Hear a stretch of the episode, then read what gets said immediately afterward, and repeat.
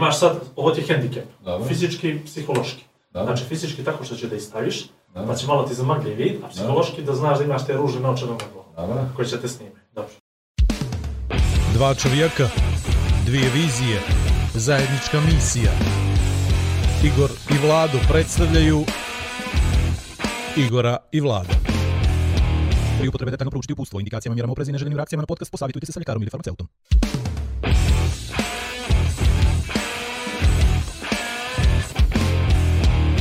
Vi rečem. Sezona 4, epizoda 10.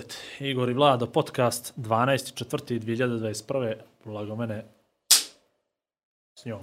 Jesmo li, jesmo li u programu? Jesmo, jesmo. Dobro. Online smo. O, Igor i Vlado podcast, sezona 4, epizoda 10. Biće To sam ja rekao, sad ti... Aha, ne, dobro, polako, izvini. pa pušti, imaš ti Okej. svoj dio, si rekao, Da, sad da, da. pušti mene da kaže, moj dio. Aj sad ti priča, baš. Ne, ne, okej, bit će specifično. Biće specifična po mnogo čemu, u svakom slučaju na samom početku ćemo da pričamo o nekim stvarima koje su nama jako interesantne, to je zašto je reklamni prostor na televizijama zas, za, zapljusnut reklamama nekim gdje smo svi veseli, srećni i fali nam preparata za potenciju. Pa mislim da ne fali, nego da oni samo žele da ukažu da je njihov brend najbolji, a da zapravo ima sasvim dovoljno na, na, na tržištu. Ali nije samo to, pazi. Da mi i to, slabo kupujemo to, jel?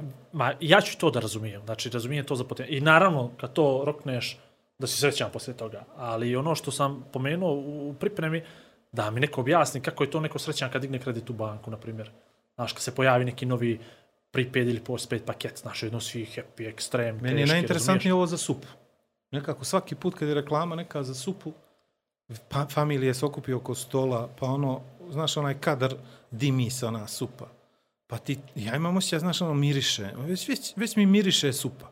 I onda on kad stavi onu, onu, onu kašiku, stavi u supu, nekako svi srećni, svi zadovoljni. Ja Ja, da nikad nisam imao taj osjećaj kad sam jeo zašto. Vlado? Zato što je to, to se zove reklama iz pravog razloga. Dobro. A, oni da snime neku familiju koja se okupi oko stola, na koji majka donese supu i kaže, aj, neću ti ja supu, veli, od čega ti je? Ona kaže, juha iz kesice. Čuš iz kesice da ti ja, ne, ja ti ne dajem supu, ovaj, kaže, oklo, ti mene da pozli. Pa što se kuvala?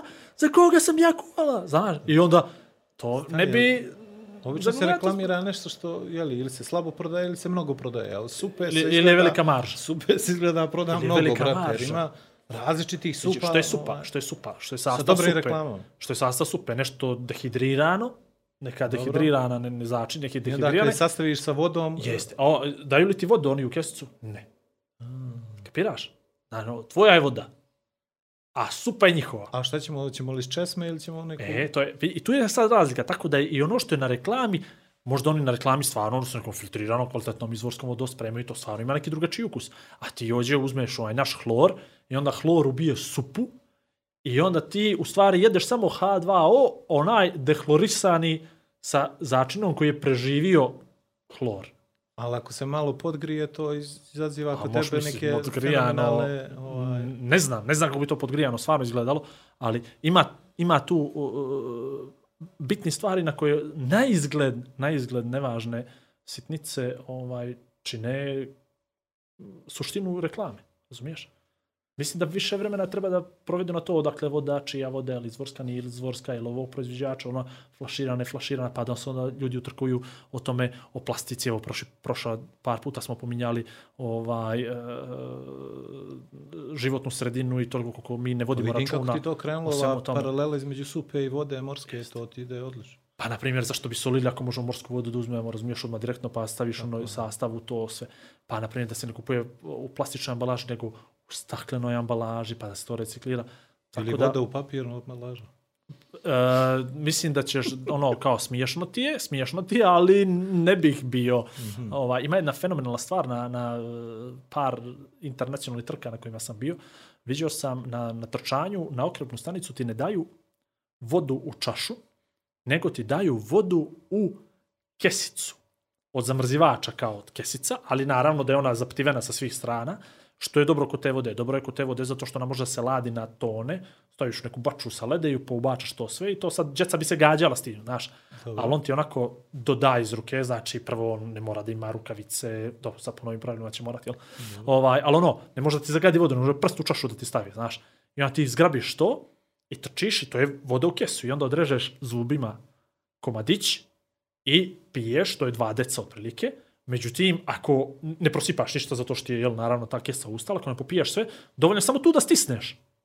I ne može da curi, znači, aj trči ti s čašom, jel, i pij vodu, prosipaš po sebi, po, po glavi, po svemu. Tako da, to kad ti kažeš vodu u papirno, je da on je papirna Dobro. plastika, ali nije to daleko od istine, znaš, tako da imaš ti raznoraznih. Zaboravio sam backup, dupalim ton. Nema, ne treba beka, bravo, nije treba do sad. Pušti neka ga. Pušti đale. Ovaj, a, šta se htio da kažem, a, šta ti misliš, da li nam ne govore istinu kroz reklamni prostor koji dobijamo Apsolutno. na... Pa ja mislim da je to prvo pravilo reklame. Ja, super bi bilo da stvarno da, da, da neku reklamu za banku, ovaj, kad završi stambeni kredit, znaš, Si to slavlje. dođe srećan čovjek kući Pa i evo, kaže, Vlado, evo. ženo, ušli smo u dužničko ropstvo sljedećih 30 godina. Jest, imamo I sad onda kuću. se ljube, krenu odmah u krevet da prave djecu i to. Ja sam na tweetno prije nekih e, mjeseci po dana, dva, i nije moj tweet naišao neki veći odziv. Meni je Čudo. ostalo još devet e, rata do otplate mog stambenog kredita od 10 godina. Tako da to je negdje dođe, Biće ja veća mislim... žurka nego za 40. Pa, rođendan. vidi, je li? januar to dođe, ja mislim, januar 2022. Ako ona otplatjena nije, ne bi trebalo mada su se neki bonus tu skupljali, možda ja jednu ratu ušparam u svemu tome. I iskren da budem, ne žalim. Znači, ne žalim, ne, neću žali za feštu. Ali, imam i ja tu neku sreću. Nije baš ono, nisam ja baš u momentu ono, znaš, da, da svaki mjesec nisam u poziciji kao što je, nažalost, većina Ne naših građana. duše ali, druže, deset godina, svakog prvoga, se ti sa budiš i 20 kažeš ide? sebi, dobro, imam još četiri dana do prvog SMS-a. Znaš, i onda dođe SMS od banke, pa što li, gospodine Majer, želimo samo da vas početimo da mislimo na vas, jel? I onda on te ono, i onda ti kaže, "Aj, neka još dva dana, nek se ona tamo misli, ona, znaš, tamo kompjuter sve naravno automatski. Ali dva put me nazvala gospođa, znaš, ja, dobar dan, dobar dan, i zovem, poštovanje, zovem iz banke, ako da, izvolite. E sad nije to ova moja mila, draga banka, nego jedna druga banka koja mi nije toliko Malo, mila. malo mila. Ovaj, ni malo mi nije mila. I ona, čim kaže naziv banke, znam da je zbog kredita, ja kaže da izvolite, pa kaže, u ratu kredita, ja kaže, nisam bio u zemlji, bio sam na Baliju. 15 dana nisam stigao da platim ratu. Ja se izvinjam, ako ništa, ništa, naravno, evo, samo, samo da dođemo, no i plaćam, naravno, sam, nije nikakav problem, nikakav problem. I stvarno, dva puta smo rezali, dva puta sam rekao sam bio na Bali. Ovaj, I da to je razlog, naravno nisam imao para, ovaj, ali nije bitno. Bitno je taj moment koji ti ostaviš na telefonskog operatera iz banke. Znaš, ti si sad z Balija, druže, ne stižeš ti to sve. I onda, zamisli ako ista bila, a ne znam je lista, pa kaže, Pemli, onaj prošli put bio na Bali. Ti ono, se pojaviš na TV i počneš još da kukaš kakve krize. E, tako da, ovaj, sve, je- Zajebano sve je u prezentaciji, sve je u prezentaciji. Ona meni da reklamu, ona mene na račun te reklame kupila, sad ja reklamiram sebi, znaš, ona tamo kaže, vidi onaj Majer, znaš, dođe doma pa kaže, Video, Čerci ili nekome da sa posebnom energijom si ušao u ovaj podcast. Ne znam šta ti je, prošli put si ja bio šta. tako tunjav kao ono, znaš, falila ti je lopta da budeš foka. Već prošli put A smo si- pričali o nekim statistikama koji su me zablaznile, onako uslovno rečeno, a sad sam prepuno energije zato što mislim da će to da se ide u A slušaj, sad da te pitam, ovaj, za, jer me strašno me interesuje. Šta ti misliš kako bi prolazile realne reklame na tržištu? Znači, da, da pričamo o ovome, znači, uđu Na primjer. bračni drugovi kažu, zakopali smo se sljedećih 30 godina. Bil bi to imalo efekta? Bi dolazili ljudi, radije, na primjer, u tu banku. Ili sad Mm. Ili dođe da neka kažem- splačina od soka i ono kaže, sve me živo boli. Bio sam proliv. Dobio sam bro, ili ono kafa, ona prva. Ona jutarnja, ona, da. On popije, popije, da- ono miriše, Da miriše, pregledaš popije. svu štampu, ne? popije i onda ide. Pa vidi. Ili to, ili zamisli, ili zamisli deterđent za suđe, pa opere šerpu, Sjećaš jednu se, i, pola ga potroši. fenomenalnih reklama, tipa Znaš. ona za oko, one prve, gdje ona nešto Stopira. stopira. Nemojmo, nemojmo, neću. A, pa onda oni nešto pjevaju. Sjećaš Vlado, ja mislim da ima pozvanih i viđenih od nas dvica priča na tu temu, ali nećemo Jel? stvarno, pa to treba nekoga iz stručnjaka marketinga. Misliš nekog iz marketinga? Nekoga iz marketinga, Ali, mi nismo. evo ovako, realno, da si neki menadžer. A ne bi se zvala reklama, da realno Da si pričam. neki menadžer. Zvao bi se reality. Da si neki menadžer, ja sad kao dođem, hoću napravim reklamu. Dobro. I kažem ti, imam tu i tu ideju i hoću da to bude realna slika onoga čime se vi bavite. Da li bi ti uopšte razmišljao o tome ili želiš da bude sve perfektno, platina, zlato, srebro, nema one drvene medalje i to, nego... Lado, ti ja će kažeš, realno i kamera. Realno i kamera ne idu u istu rečenicu. Može li, da se, može li da se promijeni konačno taj pristup, da ne bude ova supa tako sve moguće? Ja, na što- primjer, imaš ono kad Šehović uđe u stan i stavi onu košarkašku loptu na, na, na sto. E, Nemoj Šehoviću na sto loptu, Nemo na jel, nema smisla. Jel? Spusti je dolje. Ja. Spušti je dalje. ma. A, pitaš, kažeš, realno, televizija, marketing i kamera u jednu rečenicu. To ne ide. Dobro. A, ima jedna emisija, mogu da je pomenem, ovaj, e, u kojoj sam učestvovao, dnevnica. I nedelju nakon mene, nedelju prije mene nije važno, a znam da sam gledao tu emisiju, bilo je interesantno zato što ovaj koji je radio tu epizodu je e, radio dnevnicu u fabriku, proizvodnu liniju, proizvodnu traku nečega. I ovaj, e, bile su gospođe koje pakuju suhomesnate proizvode, znaš, i gospođe su bijele mantile, to im Koljenice je, i to ili šta ono? Ne, kulen? ne, ne, kulen, e, kulen, kulen, kulen, bravo, bravo. I sad, znači, ona je bijela skroz, sve, bijela maska, rukavice, kapa, zbog kose, sve to tako, Jasno. samo im se vide oči. Ali, njih su bile četiri ili pet u liniju, ali oči su bile našminkane. Imali su i to, trepavice, jel, eyeliner, obrve počupane. Osmijeh im se ođe vidi, ovako im se vidi osmijeh, znaš. I ti hoćeš da kažeš, a pazi, ne može ih, majka rođena ih ne može prepoznati, djeca ih ne mogu prepoznati ko su. I ti meni sad hoćeš da kažeš, neko Ali, treba brate, se pojavi. frame, pa ona kaže, evo, Evo, me. evo, evo, vidi računu gdje nokte, ali pazi, nema nogu, nema ništa, znači ona ništa, samo oči, ali to je, to je, vidio se radost i osmijeh zbog kamere, televizije i svega u njihovim našminkanim očima. Smije? I ti sad hoćeš mene da kažeš da se neko pojavi, ono, kao, tele ja snima reklamu, znaš, to je spontano, ili spontano. Ne možeš spontano, ne možeš na, na, u fabriku, na liniju, fabričku, ne možeš spontano gospođu da, da, da snimiš, kad zna da dolazi kamera. Hoćeš, hoćeš da kažeš da sve to što na televiziji vidimo možda Fake. malo, a? Sve fake. Siguran. Ma sve, brate. Ne samo to. Došlo bi do toga o izboru glumaca. Jesi kad vidio ružnoga nekoga na televiziju da ti proda neki proizvod ili uslugu. Zašto ne potenciju? Evo, aj prvo, evo, pomenuo si potenciju. Zašto su sve žene na reklamama za potenciju vitke, visoke, sa nekim, uslovno rečeno, idealnim proporcijama? Zašto nisu gospođe na koje ne može da ti se realno Viš Dobijaš kako na- izvu... Ajde. izvukli smo iz tebe nešto. Hajde, Viš hajde, to je. zašto nije takva gospođa? Pa da Aha. kažeš, evo, uzmeš ovo, A znači I- to bi snimao, takvu reklamu Ne, ne, bi ne, ne, snimao, ne, ne, je ne, li? ja Aha, tebe to, dobro, zašto dobro. nije to tako? Zašto nije tako? Zašto nije tako? Pa zašto ne nije čovjek neko ko kaže, znate što, gospođo, evo ja, ja ne mogu. Meni treba. Mene to treba. Zašto nema tako neko ja ti evo vidi, evo Vlado na televiziju. Ne, oni hoće da ti Evo izašao je Vlado, evo ga, Vlado, vidi, hoće- Vlado. Neće oni da ti pokažu uzrok. Svataš, oni hoće da ti pokažu posledicu. A ti vala kada nađe Vojka, dođe sa, sa onim, s tim. Svataš. Pa mi treba da zamislim, da vizualizujemo. Gdje ti je mašta? Je? Pa ja iskren da budem, kad bi ono, ljudi o onome maštali, da mnogo manje bi ih imalo problema tim, razumiješ? No, ljudi imaju ovamo realnost na jednu stranu i na drugu stranu fikciju. Aha. I fikcija je ta koja tebe u životu, jel, Znači, vodite kroz poslije- život, inspirišete. Poslije 10-15 minuta smo došli do priče da je realno ovo što živimo, a fikcija je ovo što gledamo. Jel? Tako je. A ne možemo nikako napravimo neku tu promjenu. Jel? kad bi mi živjeli fikciju, druže, Jel? gdje bi na kraju bio? Bili bi svi srećni. Meni je milo što si dokačio televizije, znaš, u jednom trenutku. E? Zato što mislio sam da pričamo o jednoj temi koja je interesantna, ali to ćemo dostavimo za neki drugi put. A Ali samo mi možemo ćemo i da- zaboraviti. A? E? Nećemo, znaš, o tome koliko je bitna fizička ljepota danas. Pa, da takli bi smo se malo. pojavili. E, jasmo li?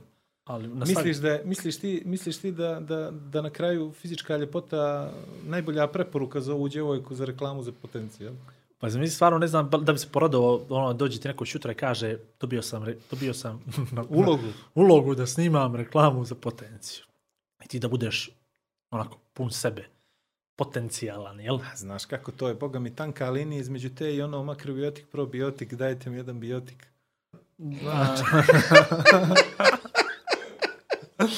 ovaj, ne znam, ali Ne znam da je, da je lakše, da je lakše u životu Ljepše lijepim se nešto ljudima, za pare nego to. da je lakše u životu lijepim ljudima ili ljepšim, ajde, mislim da jeste. Yes. Stvar, stvar. I kroz Misliš školu, vezano i za kroz... televiziju samo ili za Ne, kroz život? vezano za život. A i vezano za televiziju. A visi na televiziju. Doduše, do pojave privatnih televizija, vjerovao sam da je televizija rezervisana samo za lijepe. Dobro. Ali onda sam shvatio da je rezervisana i za uporne. Znači ima ih oni koji upiru pa dođu na televiziju. Zašto gledaš u mene?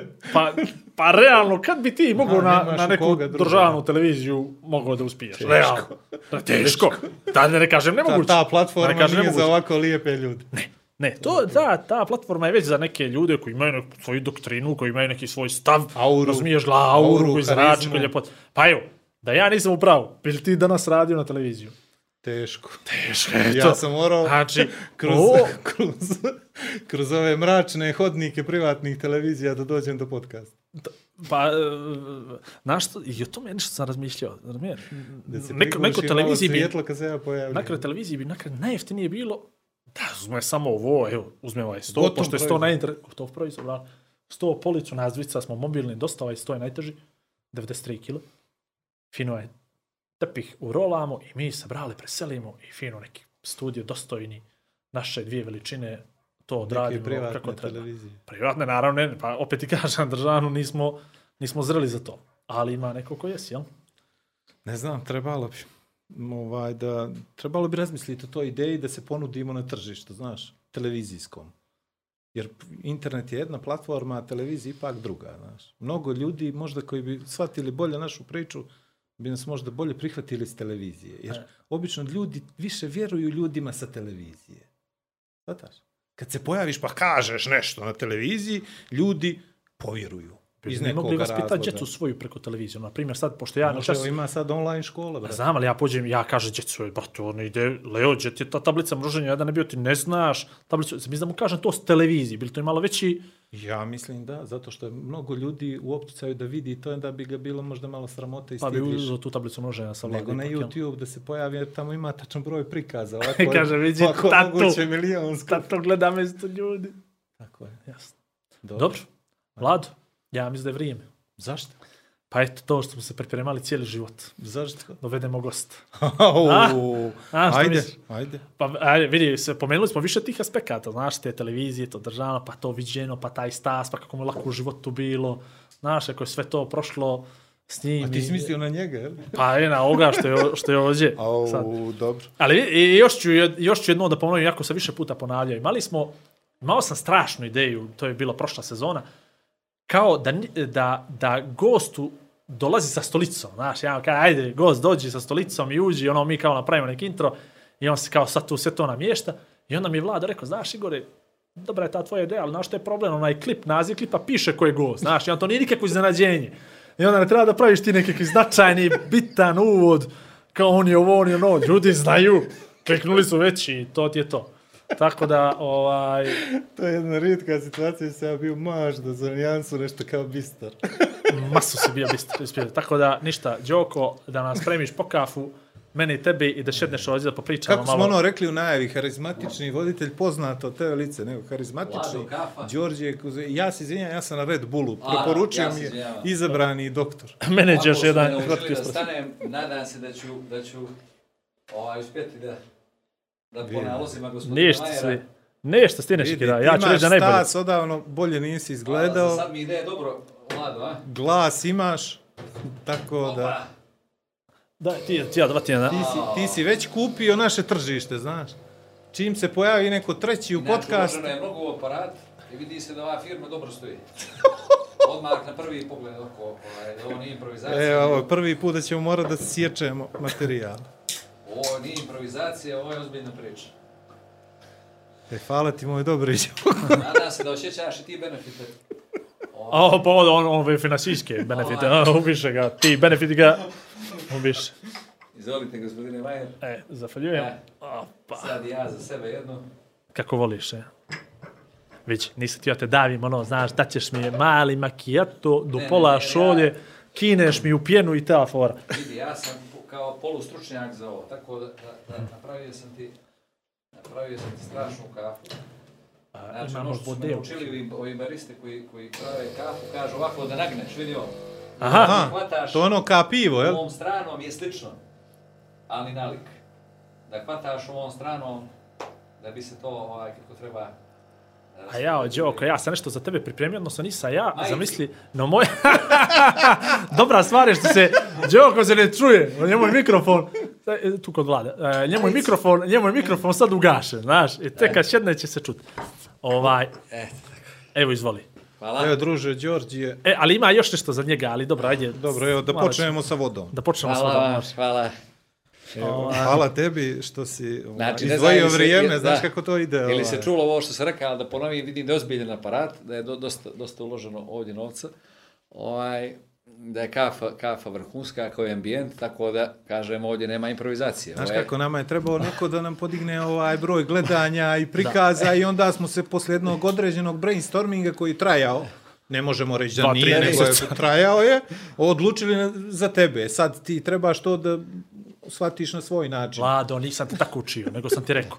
Res, prvo na početku se izvineo, prvo Novaku Đokoviću za ovaj podcast, za to što je Đoko ulećeo da je ovo jedini termin koji mi je odgovarao, tako da smo Novaka prebačili za sljedeću nedjelju. Tako je. Jesmo li tako rekli da A kažemo? sličnost je, postoji u tome Đoko. Jes, ima. Đoko. Đoko. Vlado, hvala ti na tim lipim riječima. Ovaj, ja odavno nisam baš mnogo aktuelan, ovaj, nisam siguran koliko ću podići na taj način o, ovaj, to, to što vi hoćete, ali mislim da ćemo biti interesantni, moćemo ponešto da kažemo, bar se prisjetimo nekih Vidi, tu znaš neku medijsku uprašenu ćemo da ne, maknemo neki, s tebe. nekih momenata. Da vide ljudi da si u formi Vidiš, uvijek, bez znaš što se obzira. kaže? E. Ono, zna kad se kad uzmeš, kad ovako, znaš, to je najkvalitet, znaš, Vidi, to je ono znak, e, suštinsko, pa dobro, zna kad se više na kraj ono, nema- neka bude, zna kad se...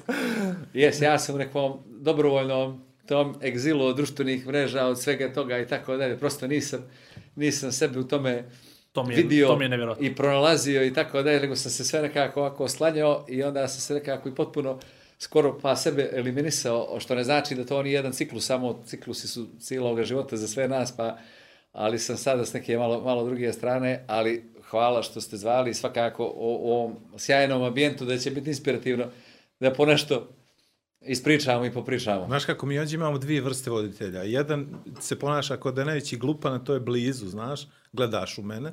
A ovaj drugi je Google. On je, znaš kako zeznut. Tako da ćemo, da. vi kako se smije slatko, on je, ko zna koliko sati proveo analizirajući šta ide pod imenom i prezimenom Đorđija Kostudića, tako da će ti on postavljati ova škakljivija Pitanja. pitanja, Ne, ja a ja ću ono kao da te ne znam. Sad. Vid, dvostruki Iron Man se ne biva bez ozbiljne pripreme.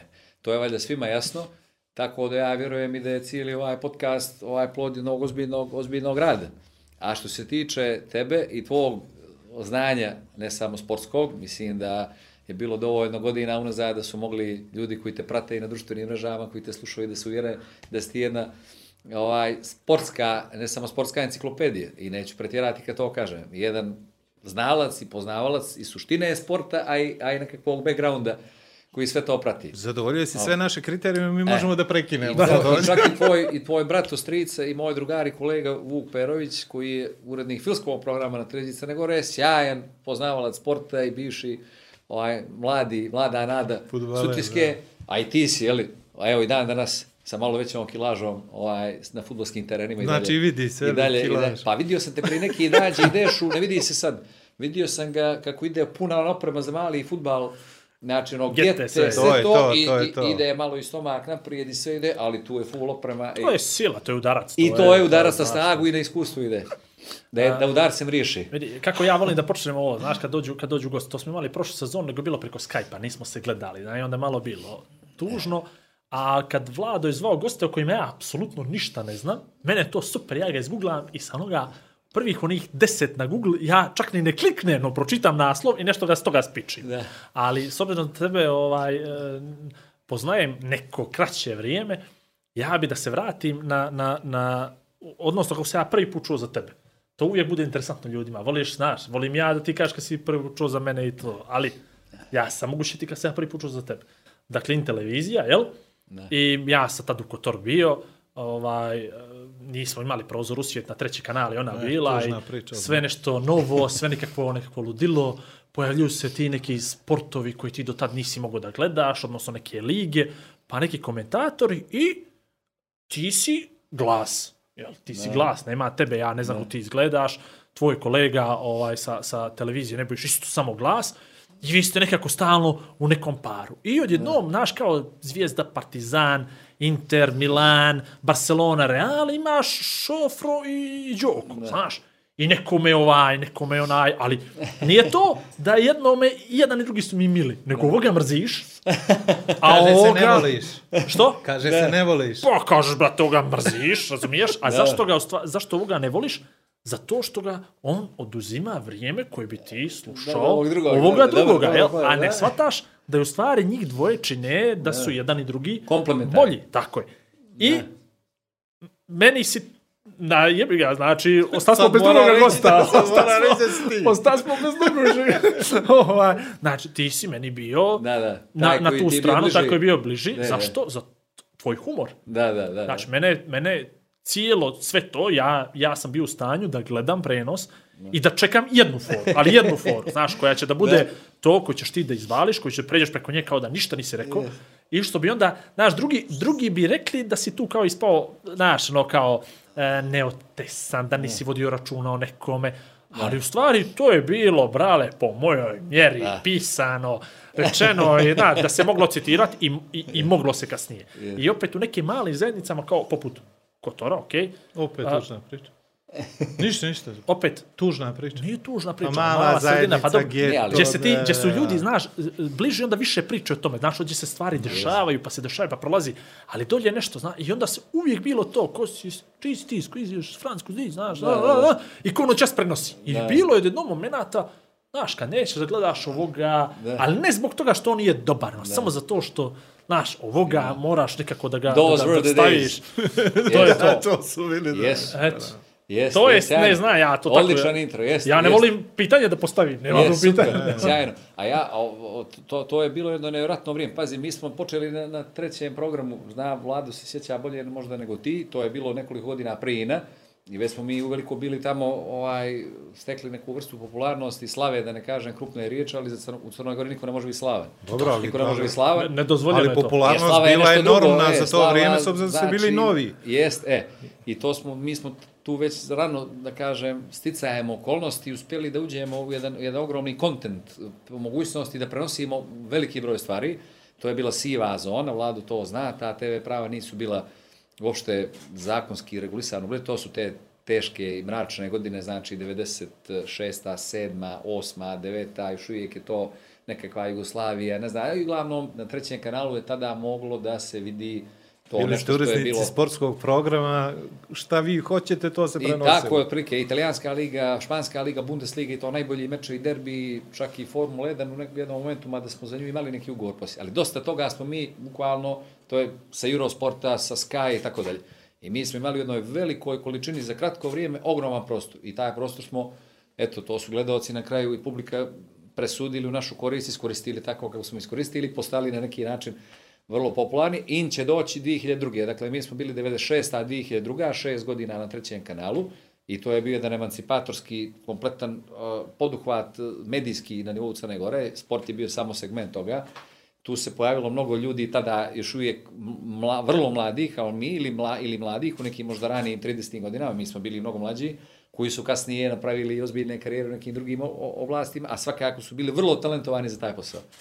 In je kasnije proširio na neki način tu priču i postoja jedna ozbiljna, eto u tom čak periodu već digitalna televizija koja je imala jedan po meni a, jednu misiju, misiju mnogo širu od sporta i od sportske, udaljio sam se od ove teme koju si, koju si ti otvorio, vez, koja je jeli, direktno Ali vezana za zaslužuje Menišu taj Faca. dobar uvod, e. Jeste i, i, i imala jednu misiju koja je po meni, sad se nekome neće to svidjeti ili hoće, ali ja ću reći to što mislim, vodila ka Ne ne gleda. 2006. godini i tom nekom 21. maju i tako dalje. Znači ona je ponudila jednu viziju nečega što bi Crna Gora m- mogla da bude, da je krenula nekim putem ovaj, jeli, to je opet moj stav, kojim ona nije krenula, nažalost, nego je 2006.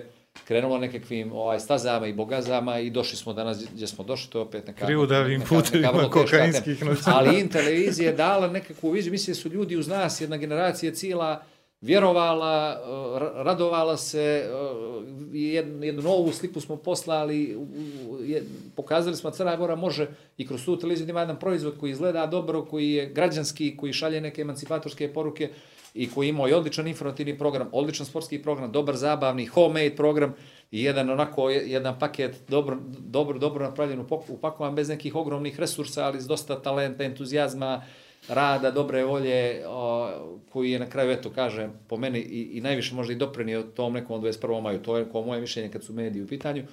Mi smo bili dio toga, a na neki način kroz taj sportski dio smo i tu priču gurali negdje i crnogorski sport je tu dobio veliki prostor, promovisali smo i domaće futbolere, rukometaše, vaterpolisti, imali smo jednu tu liniju jaku koju smo, koju smo uvijek držali i forsirali uz ovaj međunarodni sport. I stigli smo do nekog statusa koji je bio, koji je bio, ovaj, to je sad neko, nekome da pričate, možda ne, ne, ne bi ni vjerovao, ovaj, i meni je u jednom momentu čak bilo previše toga svega. I ja sam tada već odlučio da je vrijeme da, da, da se povučem. To je već bila 2006. 2007. kad ja više to neđe nisam mogao čak, čak ni da podnesem. Ali daću jedan, jedan primjer, to je prije društvenih mreža, znači to je s internetom koji je još uvijek u nekom povoju. Znači, jedini kanal komunikacije je taj, taj, taj TV i ti neki termini u kojima smo se mi pojavljivali. Mi smo igrali neke humanitarne utakmice u malom futbalu. Mahom na sjeveru je to bilo. Pljevlja bilo, polje suda su nas zvali. To su bile nekakve kao ekipe miksano. Novinari, glumci, političari, pjevači, pa protiv tamo, na primjer, ne znam, nekog lokalnog, jakog kluba, malog futbala ili opet iz opštinske administracije svih stranaka sastavljena ekipa. Ono se napravi nešto za raju, da bude interesantno I i, da su imaju realan neke- kontakt sa nekim sa, I sa tu se TV. kupovala karta, tu se skupljale neke pare, čak smo i mi donijeli novac, uglavnom to je bilo za nešto konkretno, za pomoć nekom ili nečemu. I mi smo igrali pred punim, punim tribinama, ali pune tribine to znači da je svaka ta sala bila puna. Ili stadion, na primjer, malih sportova u Pljevljima ili sala, ne znam, u bilom to po 2-3 hiljade ljudi, znači to ne može, a ispred ostaje još toliko. Da bi nas vidjeli, znači sa tribina, to kakve ove ekipe, prva liga, futbalska, to nije po 200-300 Nikoga 500 ne ljudi moglo se skupi. Ovo je bio show. I sjećam se, nakon jedne, jedne, jedne, jedne te utakmice, to je noć je bila, sad nije bitno koji je grad, ovaj, i onda smo davali, ja sam dao sve sa sebe, što, što sam imao, svu garderobu, sve što sam imao sam dao, ja nema više šta da dam. I ulazi jedna gospođa, žena, mlada relativno, u slačionicu sa, sa djetetom malim za ruku ga drži, ja nemam ništa, imam samo čarape i donji veš na sebi.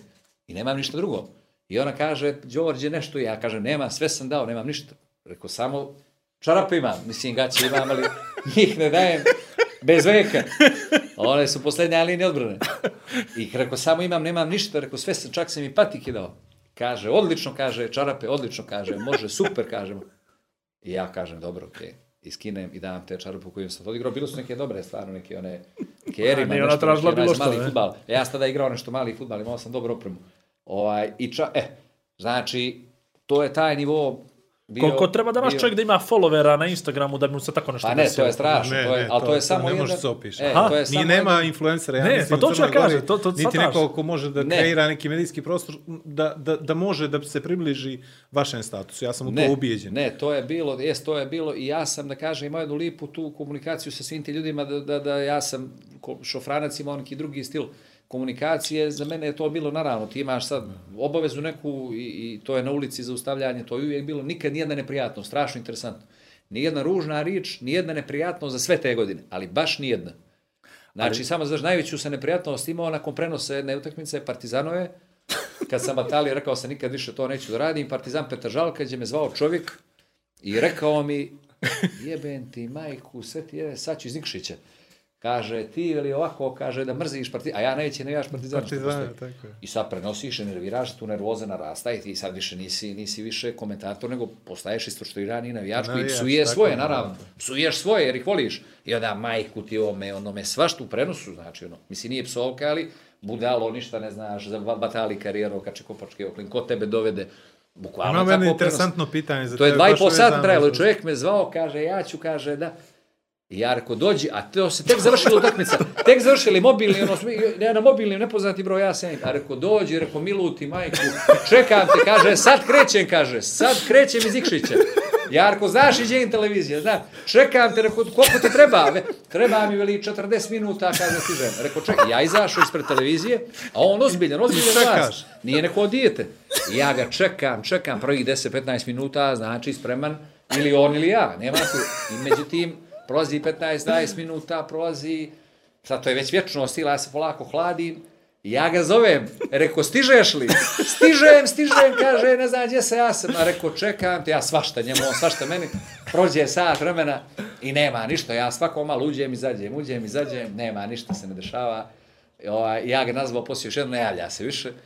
I nije došao, naravno. E, to je bila, to je jedna jedina neprijatnost za sve godine. Eto, To nije koja neprijatno, znači, neprijatnost. on je spao neprijatan. Ne, ne, ali to nije ono na ulici, tipa na ulici Da. ili nešto znači u nekom, neko, da mi neko nešto dobacio ili da mi je neko na bilo koji način ili nekim mailom ili nekim SMS-om. To je nevjerojatno, eto, za sve te godine da bukvalno ni, jedna, ni jednu ne, ni poruku neke, neke sadržine nise dobio. To govori o jednom drugom vremenu, ovaj, vjerovatno, ovaj, koje je prošlo i koje, koje, Tako gdje su je. i ljudi bili možda zadovoljniji sobom, gdje su ljudi ipak to sve posmatrali kao neki Sad ne Nisu mogu samo da pretpostavim šta bi... kao dobru zabavu i dobar show, dobar show biznis jest, program, šta bi na Twitteru moglo, reklo. na primjer, da se desi ili ovaj, to mogu samo da zamislim ovaj, šta bi tu Kako sve... bi se secirala svaka riječ. Šta tako? bi jeste, jel, to, eto, i to kažem, pamtim kao da je nevjerojatno da ni, eto, znači, samo lijepe, samo lijepe uspomene, ali bilo je previše, previše toga, to više nije moglo da se napravi nijedan korak nigdje, da se izađe vani, da se bilo gdje ode, ovaj, da te ne zaustave i da ne počnu da te, da te, da te seciraju i da te pitaju šta misliš o tome, šta misliš o tome, kako ovo, kako ono, za... i to više, ti shvataš da ti nemaš više svoj život, da si ti, ovaj, i, i tu sam rekao sebi, mo- moram nekako da, da, da, ovaj, da, da, da, da, da prekinem i, tada sam počeo ozbiljno da razmišljam o, o, o promjeni. Ja volim da vratim na konteksta. početak, Đoko, to Igor se ježi od toga, ali evo, kako si uopšte došao na televiziju? Da. Jer je bila ta neka potreba za e, okretanju javnosti, da pokažeš šta znaš, umiješ, Pa- Godinama kasnije ja sam Da. ovaj, saznao i ko su tvoji članovi porodice, otac, koliko je on imao neku bitnu ulogu Da. u kreiranju nekog života nekih mladih ljudi koji su se bavili futsalom Da, i sve jest, ostalo. jest. I jako uticao na, na njihov život. I uvijek je da, moj kum Ilija Kriokapić koji je igrao ovaj, Jeste, jeste. govorio kako E, je tvoj otac strašan lik, što bi Jest. se reklo, i neko ko je ovaj, zna uvijek da, da, da pomaže uh, studentima prije svega. Jesi imao neku, neki, neki taj, ovaj, da kažem, nek, neku vodilju iz kuće, da moraš da budeš takav, da budeš dobar lik, jel, da te svi vole, a s druge strane, da si imao tu neku dozu egzibicionizma i da si bio toliko da. ekstrovertan da, da se pojaviš na televiziji. Da. Super, sjajno pitanje. Ovaj, ja, ne, moje, ta, to moje bavljenje sportskim novinarstvom je direktni žal za, za nekom sportskom maštanom karijerom. I to je substitut uh, za to, za taj, nije to neuspjeh, jer prosto, mislim, koliko ljudi jeli, ne uspije u tome, svi smo se nečim nešto bavili kao, ali ja se jedno vrijeme stvarno mislio da ću se baviti sportom, I imam u familiji jednog, jednog vrhunskog sportistu, to je očev brat, brat, rođeni brat od Dujaka, to je Miodrag Skale Gvozdenović, njega naši i vaši gledaoci neće, neće znati ko je, ali starije generacije Zaobiđe mnogo, rekao bih. će znati, to je možda i, i jedan od najvećih crnogorskih sportista, Sportista svih vremena, a i najtalentovaniji multisportista sigurno svih vremena, možda i Jugoslaviji. Tako su, jeli u staroj Jugoslaviji njega, njega rednovali, on je bio kapiten odbojkaške reprezentacije SFRJ i to više od 300 puta. Znači su taj podatak krivotvorili ovi, iz nekog razloga ovi beogradski komentatori, pa su govorili da je Grbić bio ovaj otac od, od, od, od braće Grbić, Miloš Grbić, da je on bio, on ne, Skale je bio lider i kapiten te ekipe u kojoj je igrao i Grbić. To je prva medalja jugoslovenske odbojke bronzana 1975. u Beogradu koju su osvoj, osvojili, gdje su izgubili u polufinalu Sovjetskog saveza, gdje je igrao čovjek sam protiv Sovjetskog saveza. Nikšićanin, Skale Gvozdenović iz Narodnih heroja ulice, sam protiv Sovjetskog saveza je bio srednji bloker od 2.17 među stalog, a Skale 1,88 m. On je i dizač bio, i smečer, i sve što postoji.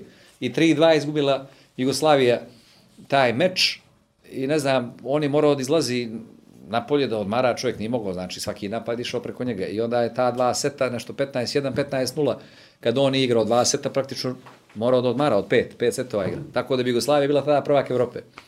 Ovaj, ali bio je Sovjetski savez tada neprikosnoven. Oni su uzeli bronzu. Et, meni je to bilo, ja sam za odbojku se bio, bio zakačio, mislim, u sve poštovanje prema odbojci, ali ipak jedan sport onako prilično, ovaj, ne znam kako... Beskontaktni, pa nije Pa interesantan. i ne, ali ja sam odbojka, odbojka skale, od, ja sam odbojku, znači i futbal, malo i košarku, ali odbojki, tu sam bacio bio sve karte, ovaj, i nisam porastao za odbojku sa 1,82 odbojka, ne može da se igra ozbiljno, ali ja sam to gurao do četvrtog srednje.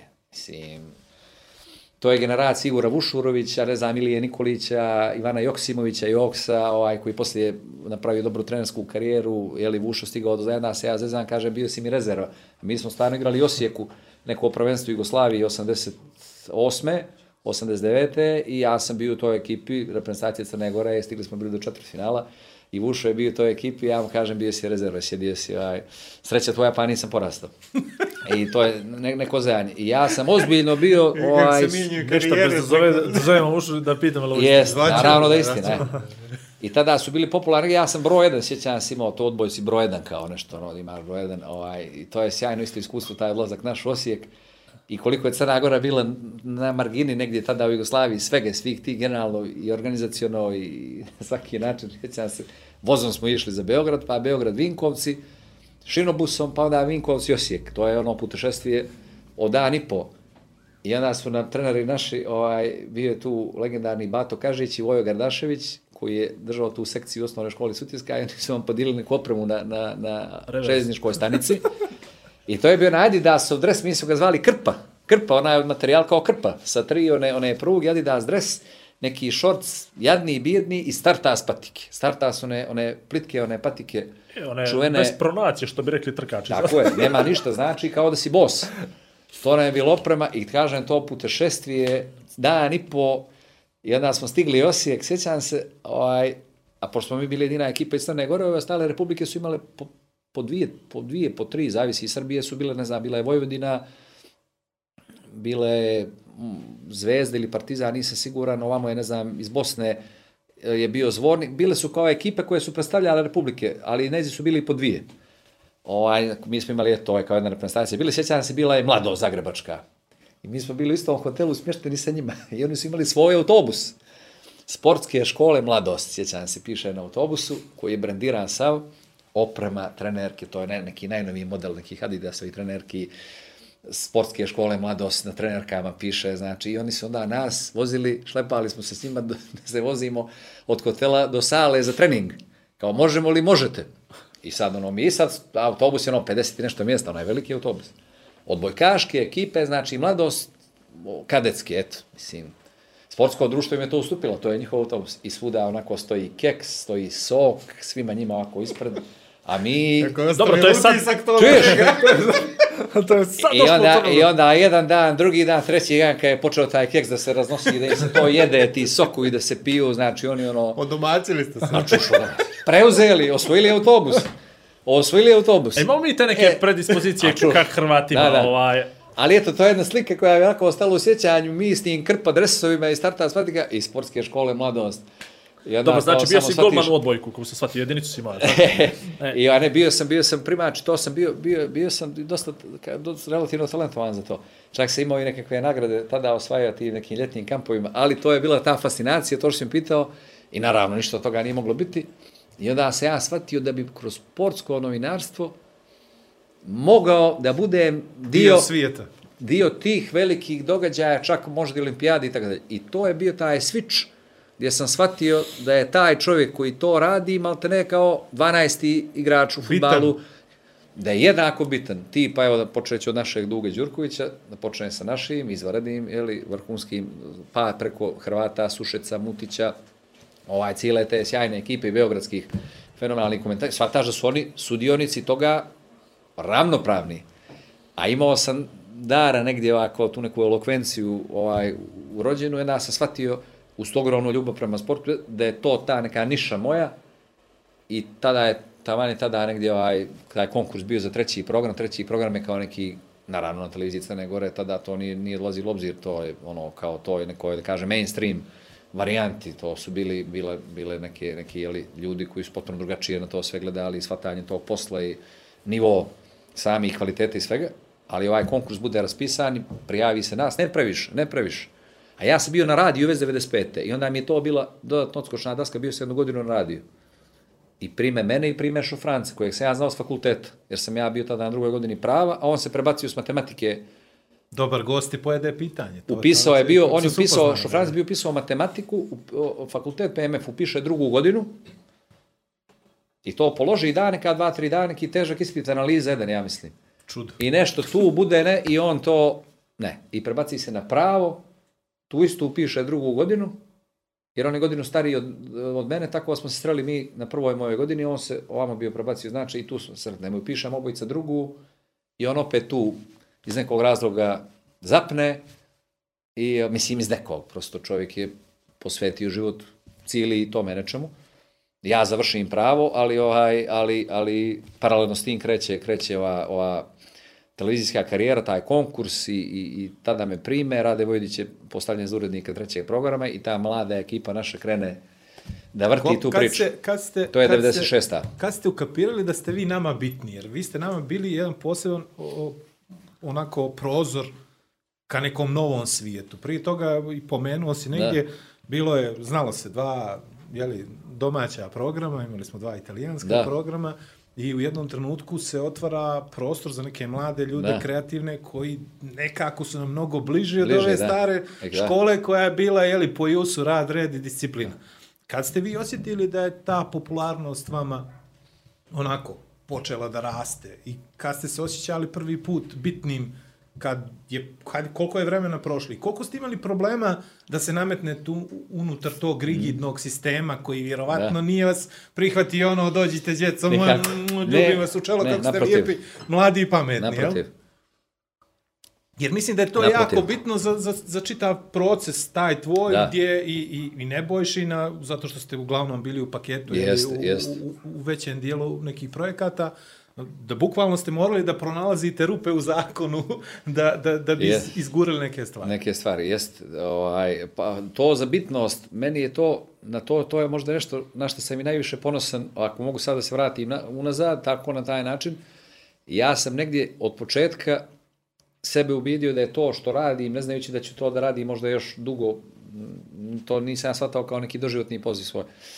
Ja sam čak mislio tada da ću paralelno s tim fakultetom da možda, ne znam, nekakvu diplomatiju ili tako nešto, idem, imao sam te nekakve, nekakve ideje, ovaj, me to isto interesovalo, vrlo te neke političke nauke, politika i tako dalje, da je ovo nešto što je sad neki moj hobi, koji neće trajati cijelo život, ali sam ja shvatio da je to entertainment, da je to zabav i shvatio sam odmah da to nije naučna, da to nije, da to nije ovaj, da to nije neka ovaj nuklearna fizika, da to da ja ne spašavam živote ljudi, da ja uh, osim tih možda sat, sat i po nekakve uslovno rečeno zabave koju mogu nekome ovaj, da ponudim, ovo što si ti rekao, Igore, neki dobar humor, neko, da to nije nešto mnogo bitno. Ja sam to sebi tako odmah rekao. Ne znam, to me niko nije naučio, nego se ja rekao, ovo što ti radiš je, ovo je zabav, ovo su lake note, ti nisi bitan, ovo može da radi bilo ko šutra, pa možda ima, ja sam svjestan bio da imam određeni talent za to što radim i da imam nekakve predispozicije da možda budem malo, malo bolji od nekoga koji je prije toga to nešto pokušavao da radi, ali da je to nešto što nije mnogo bitno i da ja nisam u stvari mnogo bitan. Iz cijelog sam života tu liniju ja pratio i nikada nisam obolio od bitnosti na bilo koji način zbog toga što sam nešto radio u čemu sam napravio nekakav, nekakav uspjeh. E, Tu smo vidi isti, ga, vidiš. vidi ga, vidi E, ti to, vidiš, to je to. To je ono što pričamo E, to mi je- stalno. ali stvarno to je, to je bitna, to je bitna Da. nota kod bilo kog Jest. uspješnog, da on je stalno svjestan da je tu Jesam. na zemlji, da je zamjenjiv, Je, da potpuno, radi to jest. što radi, da uživa do, do momenta Jest. uživanja i da ne pređe u tu neku bitnost. Ja sam nezamjenjiv, ja Ne. sam to i onda isplivaju takvi. Ali A pogotovo to u Crnoj Gori sportsko novinarstvo gdje, misli, gdje svako misli da može time da se bavi. Ono, da ima predznanje i da može. I onda da. te Da. lako sad natjeraju da, da, da uđeš u njihove foldere. Da, ne, ali A u to je- stvari nije baš tako. Ne, jel? nije tako, ali to je nešto, ja sam shvatao, stani, pogotovo u poređenju s nekim profesijama ozbiljnim, uslovno rečeno, gdje ljudi stvarno ostavljaju dane i noći da bi nešto stvorili konkretno, doprinijeli na neki način, da kažem, koji je važniji. bi išlo lako ovo tvoje, jel? Da bi ovo moje moglo da ide, jeste. Ti shvataš da je to ipak nešto sad, ono, stani malo druže, pa dobro, ovo je sve okej, to je lipo, ali, ali, ali nije nešto bez čega se ne može. Znači, kad bi krenuo šutra da kidaš nešto, ja bi prvi rekao, stani malo i sportski komentatori zajedno sa mnom, stani ovaj čovjek nije potreban, evo, maći ćemo ih sto ljudi, pa ćemo otvoriti ovamo nekakvih sto radnih mjesta, neki drugi gledat ćemo se i te tonom onim, onu huk, onaj sa tribina, preživjet ćemo nekako, evo imamo svi internet, možemo svi da otvorimo, da pročitamo, da se informišemo i, i vidi, navikli bi se za mjesec dana. Čuješ? Evo, vidiš, kao što se, Kao što smo navikli bez hoću da publike kažem, i e, kada to tako postaviš, i, i, a, ali bilo je vrlo izazovno, naravno, ovaj, jer mi smo mislili da smo bolji, eto, barem za zeru, od tih nekih ljudi koji su tu već bili. Ovaj, to, to jesmo mislili, mislim, mislio sam ja za sebe, a i naravno, ne boješ vjerojatno za sebe, odnosno da možemo da pružimo nešto drugo. Neću reći da smo bolji, nego da možda da pružiš drugi ugao gledanja na stvari, Bolju da zabavu. pružiš bolju zabavu, nešto novo, nešto drugačije. I to se odmah osjetilo. I vrlo brzo je bio feedback ovaj, dobar, a istovremeno i onako obstrukcije manje ili veće i same te kuće koja je ogromna, koja ima neku svoju, neku svoju memoriju administrativnu i, Reputaciju, i, i koja je dinosaurus i koja, koja to hoće da, da povuče dolje. I cijeli i treći program imao problem zato što je bio van konvencija, što nije bio dobro, dobro uklopljen on možda ni administrativno pravno u taj cijeli sistem, a pogotovo ne na nivou ovih ljudskih resursa, kadriranja, on je bio kao nekakva, kao nekakvo, nekakvo dijete, neki rođak, kao neko ono, ludo dijete, ne da, neko voliš interesantno, ali koje, znaš, ono, kao klepti ga ponekad sjedne. Došao je Je, nešto. u veliki grad. I bilo je tu, bilo je tu dosta problema i lično ja sam do, do, doživio dosta ovaj spot, baš onako, ja sam čak bio meta više od, od, od, od kolege Šofranca, imao sam nekoliko ozbiljnih spoticanja, onako da ti baš kažeš sebi, stani malo, Je ono, li vrijedno? ovo nije vrijedno, nije vrijedno toga, znači, ključujući i, i nekakvo dugo, mene su dugo vukli bez rešenja, sam bio sam honorarac nekoliko godina, jako sam radio najsloženije forme, čak i za dnevnik izvještavao i kad je bilo bombardovanje, radio sam uživo, nas su zvali na kraju, mene i njega. Ja se tada je bio Sito Raković, direktor, znači iz- u tri ujutro me bude, molim te, dođi, dođi u tri ujutro da preuzmeš simultani prevod. Vi ste bili kao na macu, što bi se reklo, 24 sata ste Jest, radili. I sjećam se, bili su tu neki prevodioci iz instituta koji su sjajni, znači koji su profesionalni, ovaj, profesionalci u tom poslu, koji su Ali ne simultani da prevodioci. Ne može da iznese, ne može da izdrži. Jer on radi po PS-u i on ne može nakon 40 minuta, a on je mrtav čovjek. I onda ulazimo mi, ja, sat i po dva, ne s tolikom preciznošću, ali sa suštinski da. korektnim, Ali korektnim, znamo šta je. korektnim jeste prevodom koji je suštinski potpuno korektan, koji je elementarno tačan. Ovaj, nastavljaš što da radiš. Ja sam čak i, i ratno izvještavanje, svuda sam, imao sam jednu moju ekipu sjajnu, tada svuda smo stizali, radili smo, znači, sa lica mjesta gdje god bi pala nekakva bombica ili nekakav onaj e, od rezervoare, pa rezervoare su znali da, da odbace Da ove, da, da. i to je isto pravilo kratere ozbiljne, znači, pa u Kosiću je bila isto jedna pala raketa, jedna koja nije, nije, nije na kraju detonirala, napravila veliki krater, svuda smo stizali, sjećam se 10 kg, ja sam smršao tada, nisam bio svjestan toga. Radili smo dan, noć, nismo spavali uopšte. Igrali smo Ne ljuti se čoveče u redakciji trećeg programa, tokom noći čekali da negdje pukne nešto i da krenemo. I tu smo bili sjajni, tu smo isto pokazali kao sistem u sistemu da imamo taj taj re- respons, taj jedan jedan ovaj brzi odgovor jer smo bili mladi, bili smo ovaj spremni da za novinarstvo, za viz, za tačnu informaciju, pravovremeno damo sve što se kaže. Sada majke kad Vlado, vidjela, mi smo na 99. Vlado, ja da ne bio. Kad, pa jes, to su pa te godine. To su te godine. druže, ali ne može izazovnog ovako, nećemo nikad. To je 96. a sve, pa to su te godine. Da, pričamo o Ovaj, olimpijskim igrama, jedne, druge. sad ću ti kažem nešto, NBA, sad ima- Tour de France. I davali, davali smo sve od sebe, to je poenta, nismo se štedjeli, za nas nije bilo zadatka koji nismo bili spremni da uskočimo. I tu smo se, mi, mi smo tu 20 godina napravi što neko za 20 godina gradi malo po malo u miru, mi smo u ratu. Mislim, Pa je li to rečeno. istina da u stvari Ovaj, svaki Rad fotograf šansu. jeste da svaki fotoreporter, komentator, fotograf traži rat. Pa ne, daleko, rat. daleko bilo. To je Ne, stvarno, ne traži, izvini, pogledaj što sam rekao. Čeka rat da bi Da bi, da. Da bi to- ali eto, ali kažem, čak smo bili i, i, i dijelom toga smo bili ovaj, nas dvica i, i to su neke nezaboravne, nezaboravne godine, jedno iskustvo koje više, nadam se, niko neće proći od nas. Da. Tako da, da, eto, to je negdje bilo, bili smo, imali smo brzi odgovor odmah, znali smo da smo dobri, i po marketingu se to znalo. Sjećam se, mi- napravili smo bili emisiju Fix, ne znam, sjećaš se tada, ovaj, za kladioničare, to me je to mi, išlo iz smo te, mi smo vas gledali ono kao... e, E, ovaj vaš studio sad ovdje koji je to. sjaj, znači bio je high tech za taj studio, to je jedan mali studio u televiziji, bio me očajan, jadan, jeste, ništa. E, dobro, i ta emisija je bila super. Sjećam se odmah jedna kladionica, tada je bila Corner se zvala. Jeste. Oni su bili vrlo, vrlo ovaj, tada, i onda je me zvao taj jedan od vlasnika da se nađemo u Maši, sjećam se. Kaže, hoću da se reklamiram kod vas. Kaže, dobro li, ja sam, ja vodim tu emisiju. Ne, ne, kaže, i vadi čovjek i 10.000 maraka u koverti vadi i stavlja, evo, kaže, ovo ću, kaže, za reklamu moju, kaže, izada mi stoji, kaže, tu Horner i te sve što treba, on to objasni šta hoće, ja kažem, ali ja nema, ne, ne, kaže, uzmi ti, kaže, to, ti to ponesi, i ja uze, uzmem šta da radim, nema tu, on se diže i odlazi. I ja u je marketing, platio kafu? i ja u marketing, sjećam se, nosim 10.000 maraka i kažem, evo za emisiju Fix i dajem te pare tamo, naravno njima, ovaj, i oni me gledaju i ovaj, tako dalje. I, I nikad više. I ne, ne, i ne, ali hoću da kažem, hoću da kažem, eto kakav je bio, ovaj, kakav je bio, znači, to je vrlo brzo, što smo mi radili, bilo zapaženo, prosto je bilo, neću reći, nije bilo konkurencije, ali odjednom se kao nekakvo svjetlo da je, da, da je Ali, uključeno. ali bukvalno. Bilo je tu mnogo improvizacije, naravno. Naravno. Bilo je tu mnogo, mnogo sigurno i nekakvih grešaka u hodu. Bilo je tu mnogo, mnogo bilo je tu viške inicijative, možda sigurno želje da, da, da, da sve kažeš nešto, ovaj, ovaj, da, da, da, da, da, da budeš, da zvučiš pametno, da zvučiš interesantno, da zvučiš informisano. S tim što su bili limitirani res- resursi za, za dolaženje do informacija, to moramo da znamo. Znači, interneta nije bilo. De, pričamo o na 96. mobil, 7. To je početak tek interneta najsporijeg mogućeg u Crnoj Gori, ti ne možeš Teletex jeste, ti nemaš, ti, ti nemaš tu vrstu ovaj, nikakve baze podataka iz koje možeš nešto da crpiš. Tako smo mi bili stalno u tome, stalno smo gledali, pratili, pamtili. Interesantno da ni on ni ja nismo pravili nikakvu arhivu, što je velika greška.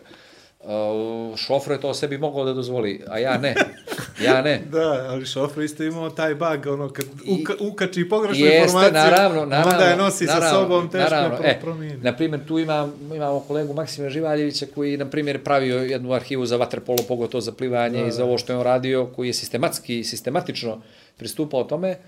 Ova, ja, ja nikad nisam, ja čak nemam ni sačuvane svoje emisije, nemam skoro ništa sada da pokažem djeci šta sam ja radio, ja nemam E, ništa. to, to. Nemam ništa, znači. To, To je bio sam ja počeo sa YouTube, sa YouTube kanalom sam počeo kad mi se rodilo dijete. E, e. Ne bi nikad prije toga, a mogu misliti šta je tebi Ali ostalo. to je moj odnos prema, prema poslu, u stvari, ta, ta, to moje, gdje sam ja ubidio sebe da je to nebitno, da to nije bitno, to između stalo bilo i to. Ono, ne želim, ne želim Trenutna zabava. ne želim trag nikakav, nema potrebe, to je to, u jednom periodu, u jednom vremenu, ovaj, čak nisam tio ni da čuvam, kažem, a bilo je nekih stvari, evo, ta NBA lige koju pominjemo, ovaj, te neke specijalne emisije koje sam tada radio, čak ni to nema sačuvano, što je, to je baš blago, to je, tu su, evo imamo ovdje te, Da ćemo do toga. jeste. Vlado, koje pitanje je bilo za prenos? Imam ovdje E, te da, koje sam donio, znači, koje sam sad samo na brzinu Pazi, ovaj, pokupio, ali to je na pomenuo, primjer. si, pomenuo si Petržalku. Ovaj, ljudi Da. i dalje pamte, jer smo mi napravili neki vizual Aha. i tražili od njih na društvenim mrežama da nam pošalju neko interesantno pitanje Da. za tebe i najinteresantnije će i dobiti neki simboličan poklon da. podcasta. Jedno pitanje je bilo vezano za Pjera Boju i za moment gdje si ti tražio da ga izruče. To sam zaboravio. Jeste, ekstradicije. Da, Ekstradicije, ovaj, šta, je, šta, šta treba čovjeka da natjera ovaj, da, da kaže to u prenosu? To sam zaboravio, vidi. Baš, ali do, dosta toga zaboravljam. A to godine, izvini, molim, toga... Pa to je, pa ne znam. Što bi to moglo biti, koliko može? 90, Jel moguće? ne znam koja I ljudi se i dalje sjećaju toga, jer pazi, Pazi, mi smo postavili taj vizual. Ne, ne, nije to, ne, ne, to je sekund. 2000, ne, ne, to je Ne, ne, 2000, 2000 treća, četvrta, to je već, ne, ne, to je već, Tako to je, tako. ne, ne. Bio je veliki turnir, samo uvod. Veliki Eh. turnir je bio u malom futbalu u Nikšiću i sad treba se igra finale i ne možeš da pomiriš finale zbog utakmice. Sad ljudi gledaju utakmicu na, ovaj, na TV-u, jel, na Inu, a dolaze sa druge strane, se gleda, sluša se radio prenos. I mi pojma nemamo šta si ti rekao te noći. Da, da, da. A pun je mali stadion, znaš ono, da li je polufinale ili finale, pun mali stadion i za, završila se utakmica i ostajemo svi mi, možda nekih, ne znam, hiljadu ljudi, evo, Lupića, možda je bilo i više, Da. slušamo sa jednog tranzistora radio prenos. Zamisli koliko je to tad bilo. I sutra se priča o svemu, jeli, o futbalu, ono, i priča se o tome šta je sve Đoković pričao za futbolere Partizana, za Ilijeva, za Boju, Sve, sve redom, za ne znam, sve redom. Sve redom, jeste. I vidiš, odmah prva anegdota je bila, tražio ga je neko iz Nikšića da ga ovaj... E, to je nakon tog meča me tražio, jeste da. čovjek, e, to je taj meč. Ali pazi, to je, to je, a, a, to je jedna specijalna, specifična psihoza, jer to je trajanje, to je 120, znači to je, to je 90 minuta regularnih. Tako je, produžeci. Još 30 minuta produžeci, to je 120 i penali. penali. Znači, to je sigurno 2,5 sata prenosa. To je ozbiljan komad vremena u prenosu, pri tome pod takvom tenzijom sve vrijeme igra tim za koji ti jeli navijaš i koji treba da se plasira drugi put za redom u Ligu šampiona. I to je već viđen prolaz. Art Media, Petržalka. To Art Dobar Media je neki iz sponsor prve bio. utakmice. Iz, u prvoj utakmici si ispromašivali, znači sve moguće sa metar, sa dva metra, to znači, ali ubili ih, ubili ih, bilo je, bilo je, 0-0 je bilo, 0-0 je bila prava, ali 100 šansi Partizanima. A ovo je 200 šansi. I sad pazi, da je Partizan, to je druga godina za redno, da oni, uđu- on tada da je se ušli u Ligu šampiona, znači to bi, ja mislim, rutina poslije, to bi već bila ru, To je ovaj rutina. Dinamo sad. Jeste, to je moglo da bude Dinamo, tako je. I, ovaj, I to je ta psihoza koja naraste. Ja sad kao neko ko igrao futbal, ja sam igrao 7-8 godina, 9 mali futbal tu ligu, i igrao i, boga mi, neke i, i, i utakmice bitne, nek, nekima smo i planove za, za titulu znali da pokvarimo. Ovaj, to baš Studentski dom, KMF studentski, KMF studentski dom, jeste, jeste. Ovaj, protiv Neksana smo igrali, njima smo, dva puta smo im titulu uzeli. Dva puta sa našim remijima, ta u jednu utakmicu u Nikšiću sam baš igrao cijelu, od samo nas i petorica bila su nam bili svi povrijeđeni, se kreja 2-2, titulu smo im uzeli tada. Nisu zbog nas, zbog tog remija nisu uzeli titulu. A nama nije trebalo, mi smo bili treći i tako nešto. Ovaj, i, i, I onda ja osjećam u kom pravcu to ide, ti promašaj i sve te, ja shvatam da to neće dobro se završi. Onda idu produžeci, idu penali. I ja sam znao tačno kako ko izlazi, ko će da pogodi, ko će, ja unapred govorim, nema šansi da ga da, ovaj ne može da Tako ga da, tako odlično, da. tako. I Pierre Boja. I treba da da čovjek gol i Partizan je u- ušao u Ligu šampiona.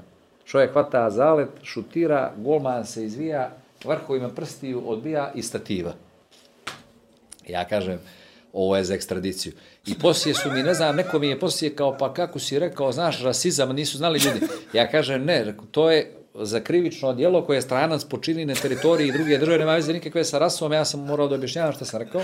Tako je, to je bio Izručenje, da bude izručen, izručen ovaj matičnoj državi svoje samo da bude, jer je počinio, jer je to krivično djelo što je napravio čovjek.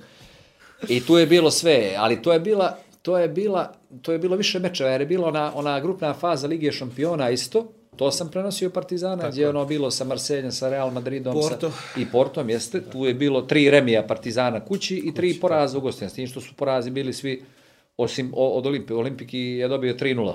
3-0 u Marselju, tu ih je Drogba razbio. crvenim kartonom.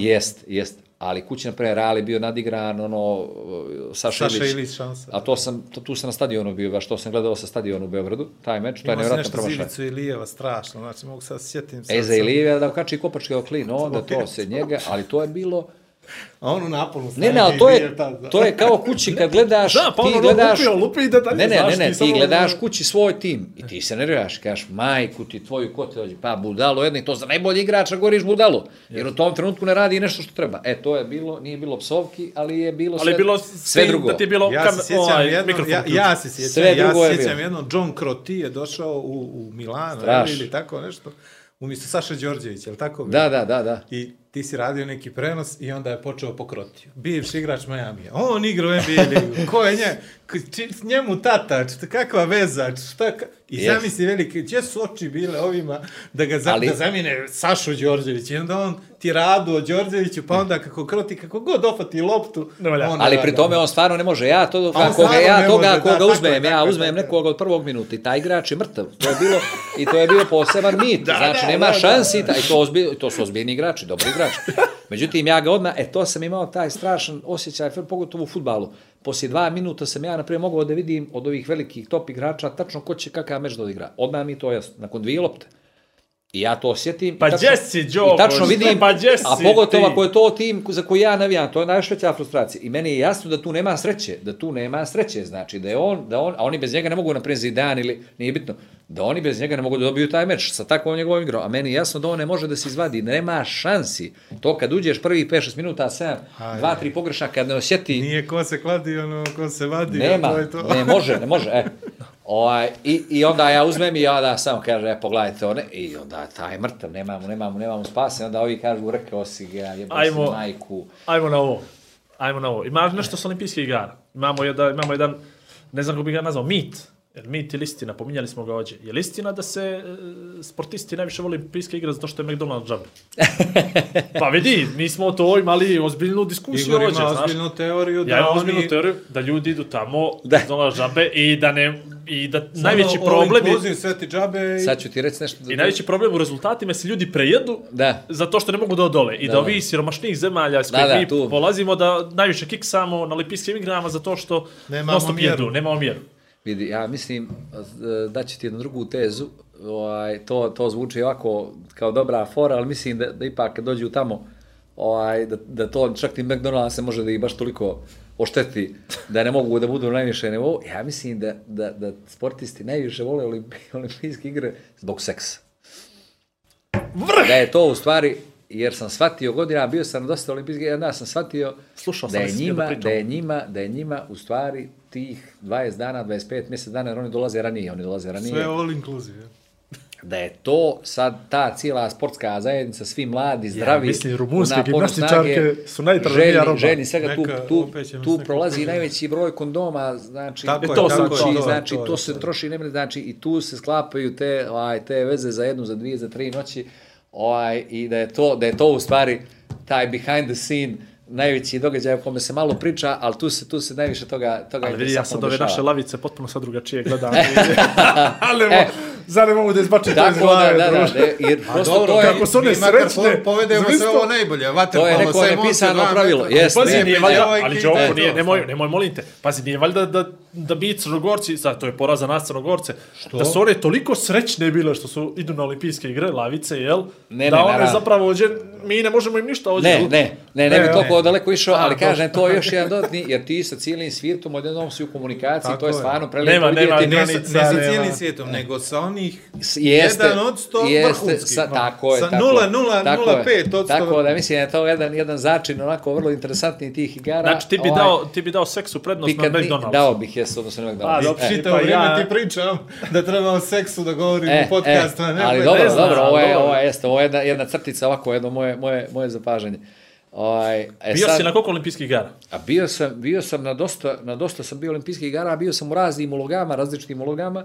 Uh, i, I ovdje sam upravo ovo sad gledao, nisam ni znao tačno šta je ovo, ovo sam dohvatio sad iz jedne, kao, jedne, jedne vrećice, ove tri akreditacije, ovo je iz Londona, akreditacija, ali ja sam bio team leader, znači našeg, našeg uh, novinarskog pula, što je opis jedna vrlo uloga zahtjevna i delikatna, imao sam veliki stres tamo, imali smo neke tehničke poteškoće, od starta s nekim optičkim kablom koji je e, bio za našu trasu od Crnogoru dva dana nam je bio u prekidu pa nije mogao da ide prenos naš sa lica mjesta. To smo imali onda one, one čudne komentare po... po Jeste, po... i onda su morali da rade naši ljudi koji su ostali u Podgorici, imali smo mi ekipu naravno u Podgorici, mi nismo mogli da se javimo prva dva dana, ovaj, baš je bilo, je bilo vrlo stresno i bio sam tu tim lider odgovoran znači za, za funkcionisanje tog našeg tima koji je brojao 7, 7 ili 8 ljudi, jer smo imali i elektroinženjera, smo imali u na- našem timu, imali smo kamermana, imali smo pet ili šest novinara.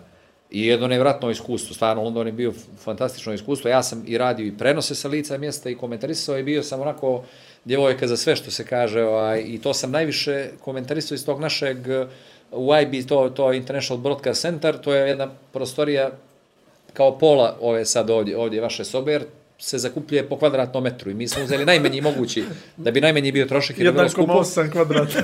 Tu smo imali tu komentatorsku poziciju. Ja sam uglavnom odatle prenosio, uskakao sam između ovih, imali smo čovjeka koji radio, na primjer, Dragiša Dedić je radio, na primjer, rukomet sa lica mjesta, Maksim Živadjević je radio vaterpolo, pratili smo, znači, naše, naše reprezentacije, a oni su radili ujedno i ostale, da kažem, rukometne mečeve i vaterpolo i, i plivanje, a ja sam uskakao između, na primjer, što god ne iđe, ja i još neke moje kolege, se ja nisam izlazio iz, tog, iz, to, iz, iz te prostorije da bi mogli taj program da popunimo i da to Kakav sve je ide. London, ne znam. E, e, to hoću da ti kažem. E, ova, ali to ti je prosto zadatak kad si tu u takvoj ulozi, takvoj poziciji, moraš da, Znači, da, ništa da, da to trpiš. McDonald's, ja sam nešto obradovao da će ti da priča. E. Neću te, ajmo, dalje. Ali, a, znači, imao sam, a imao sam fantastičko iskustvo u tome, eto, dao mi je, da kažem, ajde, Bog me stavio u takvu, u takvu poziciju da sam bio generalni sekretar Olimpijskog komiteta na prvim olimpijskim igrama uh, koje je, u kojima je Crna Gora učestvovala 2008.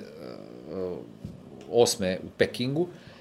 I to isto je jedan nevjerovatan posao, znači vidio sam igre iz tog ugla, iz ugla generalnog sekretara jednog nacionalnog olimpijskog komiteta. Znači, prvo priprema sama za, za, za igre, gdje kao generalni sekretar moraš da kompletnu administraciju, to je mala organizacija, svega nekoliko ljudi. Tvoja veza s diplomatijom je to, jel? Neki- Eto, na kraju na neki način jeste, to jeste ovako par excellence sportska diplomatija i to je jedno nevjerojatno, nevjerojatno iskustvo, ogromna odgovornost, bukvalno preko mene, uslovno rečeno i komiteta, ali ja sam bio taj koji je bio isturen, su i sportisti naši otišli u olimpijsko selo i kompletna naša delegacija, imali smo, sjećam se, u, dva, u, dva, u dvije smjene smo imali po 75 gostiju, gostiju olimpijskog komiteta, sponzori, političari, e, predstavnici saveza, E, predstavnici, su novine, e. predstavnici, ne, ne, to su ljudi koji način, ali po to su Jasno. pogotovo što su to bile prve igre. Tako da sam ja, Ako neđe nisi udario... sjećam se da sam zakupio, Problem, da sam tako? radio na zakupu hotela, mi smo na kraju hotele da zakupili, bio, to je bila najjeftinija opcija za smještaj, neki apart hotel, tu smo smjestili bili sve naše gosti i novinare čak i tako dalje. Tako da je to bila jedna, jedan isto, ovaj, jedan, jedno nevjerojatno iskustvo, jedan fantastičan doživljaj i mislim da se Peking ne može ponoviti to što su Kinezi napravili tada To je nešto, ta organizacija, to što su oni mogli da ponude tada svijetu i tehnološki, i organizacijono, i ljudstvu, to je, London je bio fantastičan, ali, ali i, i Rio je bio ovaj, sjajan, ali Peking, ja mislim, standard koji, koji, koji ne može Ideš li u biti nadmaš. I naravno to finale, Lavica, Da. nezaboravno, ja se plakao sam, to nikad, ovaj, ne, ne, na, kao da mi je uzeo neko, kao da mi je neko nešto ukrao, kad su one francuskinje osvirile kraj, to je možda i najveća emocija. Sestre I, i. Malaga, jeste, i Malaga, i Malaga, i Malaga 2006. imao sam priliku to finale uživo da gledam. Ovaj, I to je možda, možda onako kruna što se emocija tiče nečega čemu, čemu sam ja, a dosta toga sam vidio uživo i dosta toga sam i prenosio. Ali Malaga 2006. i to finale rukometno uh, su možda dva neka, ajde, highlightsa, ova emotivna i, i da je to nešto definitivno neponovljivo. Kad tvoja reprezentacija igra i kad si ti tu, kad shvatiš kak, da je to na, nešto najveće dokle se može doći. A ti si neđe dio toga na neki način. I onda kaže, vrijeđalo je ovo, sve ovo ipak imalo smisla što sam radio, čime sam se bavio opet 20 godina ili više života, 25 skoro, uloženih u, u taj, u taj, u taj projekat, u taj posao, nazovimo ga tako, poslu. Jesi li mislio da... Ajde, Igor. Ne, ne, ništa ja, ja samo idem po skripti, ti ipak Ne, ne, razmišljaš. izvoli, izvoli. Ma moja skripta je sljedeća ove dvije akreditacije s. MBA sobije, pa to me samo interesuje, što je to? Da, pa ja mislim da sam možda prvi, ja čovjek iz Crne Gore koji je otišao na NBA finale i to sam uspio skoro pa sam. Ovo je baš ova akreditacija, ovo je, ovo je još uvijek treći program. RTV of Montenegro, ANEM, 2001. godina, znači bombardovanje je bilo 99. Ovo je, ovo je dvije godine nakon toga, još uvijek ne postoji američka ambasada u Beogradu, nego se ide u Mađarsku za vizu. Ja sam uspio s jednog fiksnog telefona, sjećam se, tamo je jedna re- redakcija trećeg programa, pa je tu sjedio organizator, imao je taj onaj kao faks, ono faks s onim telefonom. Ja sam odatle uspio da se probijem do Amerike, da dobijem pozivno pismo od njihove kancelarije koja organizuje ovaj, finala, zovu se NBA Entertainment. Sjećam se, čovjek se zvao Matthew Brabants, on je bio ovaj, in charge za, za, za, za taj, taj dio, za sve strane medije. Ja prvo da mu objasnim ko sam, šta sam, odakle zovem, kako šta. A mi smo dobijali, ovdje piše ANEM, to je asocijacija nezavisnih elektronskih medija. Mi smo dobijali od B92, koji je tada uveliko bio opozicijni medij u Srbiji, jeli, i, i lučonoša te, te, te, te promjene koja će se desiti, ovaj, a danas apsolutno prorežimski i po drugim Godina. imenom, jeste, ovaj, ali tada je bio to i mi smo dobili kao podršku te američke cijele, da kažem, priče tom zapadnom Balkanu i rušenju Miloševića, treći program dobije besplatno preko njih prava na NBA ligu. Tako. I ja sam te, te prenose radio danonoćno. Uglavnom, one prve s istoka u, jedan. Jeste, jeste, tako je, tako Ko će gledat ove u Jes, jes, ko će gledati, mada je bilo i ovih od. Bilo je, bilo je. ovaj, E, i, I kroz to ja se probijem sam potpuno i dobijem od njih pozivno pismo. Nađem pare, sponzora, sve to, sve pod okriljem televizije država, niko nije znao šta ja radim, čime se tu bavim, kako, šta, Amerike i tako dalje. I odem, morao sam odem u Budimpeštu. Nisam imao ni zakazan termin čak za vizu, nego sam otišao, znači kartu sam bio ovaj, rezervisao preko Budimpešte, Budimpešta, ja ne znam je bio direktan let, nije, čini mi se na nešto Budimpešta, Frankfurt, možda Frankfurt, New York, i, i odemo u Budimpeštu i bukvalno sa ulice, sa ulice, ja imam pozivna pisma, ali nemam intervju zakazan, niti sam ja imao opciju da ga zakažem. I pusti me neki, naš čovjek je bio neki ovaj, iz Beograda koji je Normalno, bio, normalno, je, normalno. Taksista mi kaže, tu ti Zoran, sjećam se, Zoran je tu ili večer, ja visoki, dva metra, kosa duga, mislim, čovjek je bio iz Srbije. Ovaj, naravno, naši, je to? Svi smo naši. I kaže, preko njega probaj. Taksista mi to govori. Taksista koji priča u Budimpešti, koji priča naš jezik. Naš koji zna, koji zna, koji mi priča po, pomalo i mi se sporazumijevamo. On ne govori engleski, ili govori pomalo naš. I on kaže to Jugoslavije, on tu kaže to. I ja kod Zokija, Zoki stvarno čovjek dva metra kosa u rep duga, kao sad, sad bi ga prepoznao. Ja mu Steven kažem, treba mi reku intervju. Treba. Kako je li druže, pa kao, pa, nemam reku zakazao, nisam mogao, ali ja mu pokažem pisma, gdje mene pozivaju, dragi gospodine Kustudiću, molim vas, bila bi nam čast da vas ugostimo, vas i vašu ekipu na finalnim mečevima NBA lige sa pečatima, čudima, pismo najjače svih vremena, ima rezervisanu kartu, sve imam. Samo me rekao, pusti, da prođem ja do, do konzulke, ja ću, ostalo ću ja da riješim. I on kaže, ajde vidimo, kaže, da vidim, kaže, dođi za sat vremena. Za sat vremena. I on kaže, imaš, kaže, pet minuta. I ja gore i žena. Kakav je on način, bez intervjua šta vi mislite, ko smo mi, da tako dolazite i tako dalje. Ja rekao, gospođo, rekao, ja sam tada imao, znači, koliko, 20, 25-6 godina. Rekao, gospođo, rekao, vi znate da ćete mi dati vizu. Čim ste me vidjeli, rekao, vama je to jasno. I sad, rekao, možemo mi ovako... I ono, Da ovako preskočimo ove tehnikalije. pa me gleda, pa gleda ono, pa ka, pa klima glavi i malo, je onako, počne da smije. I ja stvarno imam to Čim si dobio pet minuta, ali dobio si pozivno pismo je bilo stvarno ubitačno, tu nema, nema greške, zašto idemo tamo i sve jasno. I ja dobijam vizu i odlazimo i pratimo finale Lakers i Philadelphia. Ovaj, o, 4-1, jel? Tako Jeste, evo. Lakers i Philadelphia, ovaj, u Filadelfiji letimo za New York, pa onda New York, Filadelfija i tu snimamo isto fantastičnu jednu reportažu. Imao sam ja, naredne još dvije godine sam bio na tri finala za redom. Sljedeće godine smo bili, e to je sad već in televizija, In ali ja nastavljam isto taj projekat sam, nalazim pare, sponzore, sve to. Naravno, in mi daje prostor za reklamu, ali ja radim kao projekt menadžer i vodim Ivana Maksimovića ovaj, sa sobom kao snimatelja koji je odlično odradio posao, jer smo bili bliski, dru, čak drugo iz osnovne škole. Ovaj, I radimo sljedeće godine Lakers i New Jersey. I treća godina je bila 2004. A, a, opet New Jersey dvije godine zaredom igrao finale, oba puta izgubio od San Antonija. Tu kreće, tu kreće era San Antonija.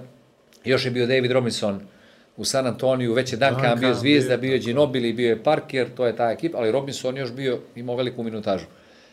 A Lakersi, eto, nisu uspjeli, ovaj, nisu uspjeli treću godinu za redom o, o, i pravim, tu sam imao nevjerojatne sagovornike, između stalog i Bruce Willisa. Imao sam Brusa Willisa, kojega sam ja jedini prepoznao. Iz nekoga razloga. Čovjek je bio smršao 20-30 kila za neku ulogu.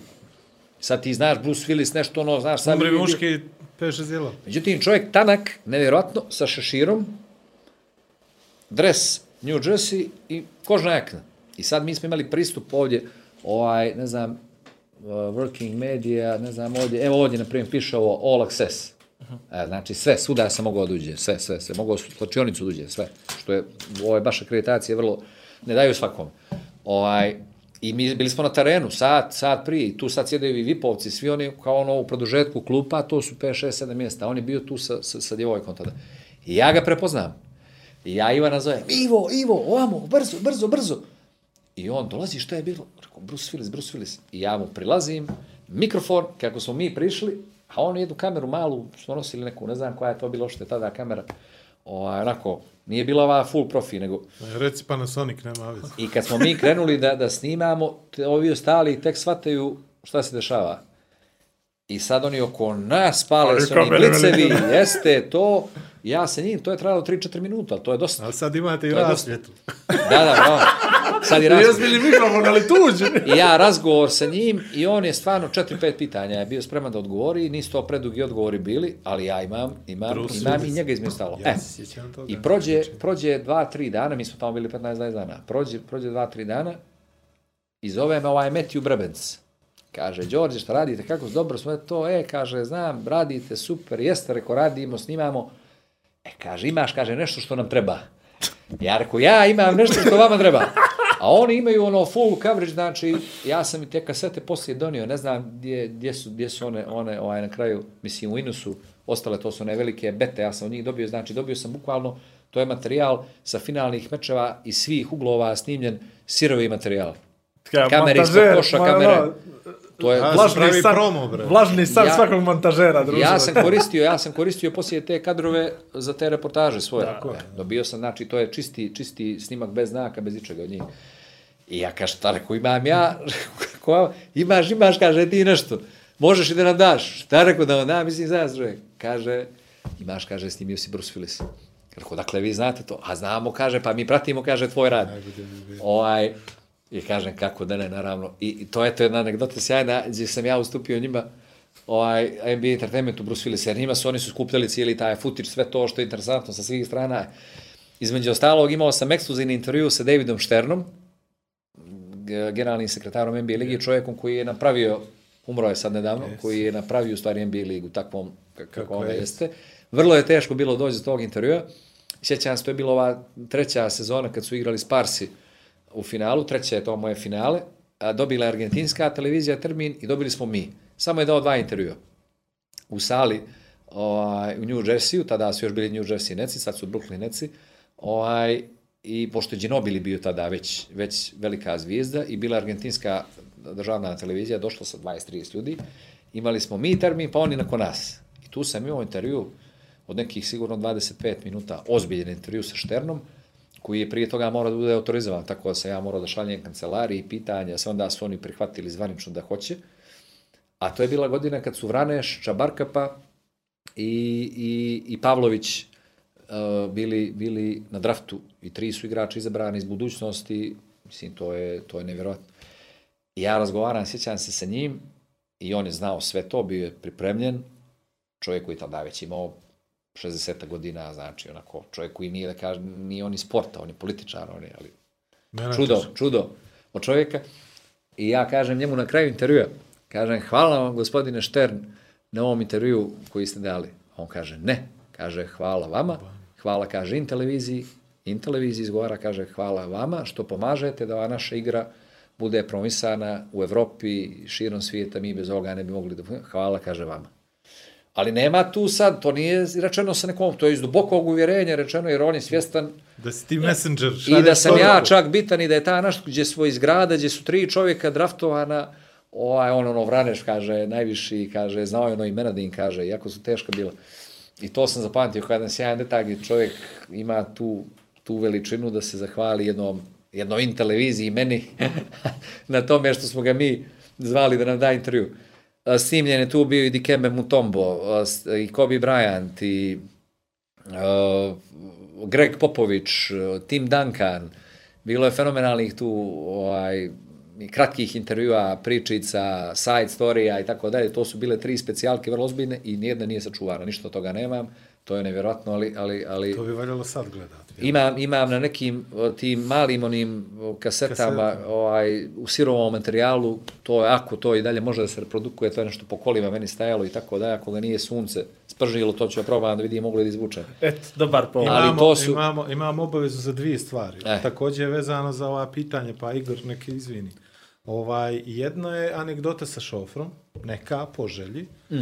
A druga je priča vezana za tvoju muzičku karijeru i za taj čuveni YouTube ovaj, Da, da, da. gdje se može Ali, ovaj, aj prvo, aj prvo sport da završimo sa šofrom, to je E, okej, ne, pa ne, onda po- na po muziku. njegov- po njegovom ne, ne, izboru, a po onda će on da izabere, izboru. on će da izabere na Ne, kraju. ne, pa on će da izabere koje mu je A to bilo, ali ovo su još dva A. pitanja koja, Koja moramo, bih ja, jedno moramo da ovaj, zadovoljimo znati želju gledalaca, Da. odnosno ljudi koji su postavili pitanje, a ovo drugo stvarno i mene mnogo interesuje je ovaj, muzička karijera, Karijera, zašto je da. prekinuta, Zašto je prekinuta, zašto je, zašto je Pa, uopšte vidi- trajala, zar se Zašto ne vidi, zar se ne vidi na YouTube? Zašto je prekinuta? jer Ali svaki put kad najbolji komentar, tvoje ime najbolji komentar to, ispod YouTube. ovaj, Da. Najbolji komentari na YouTube, ono, veli lik, kao, kao da sad smišlja tekst pjesme. Mislim da je tako duhovit komentar, to ne možemo da Fenomenalno!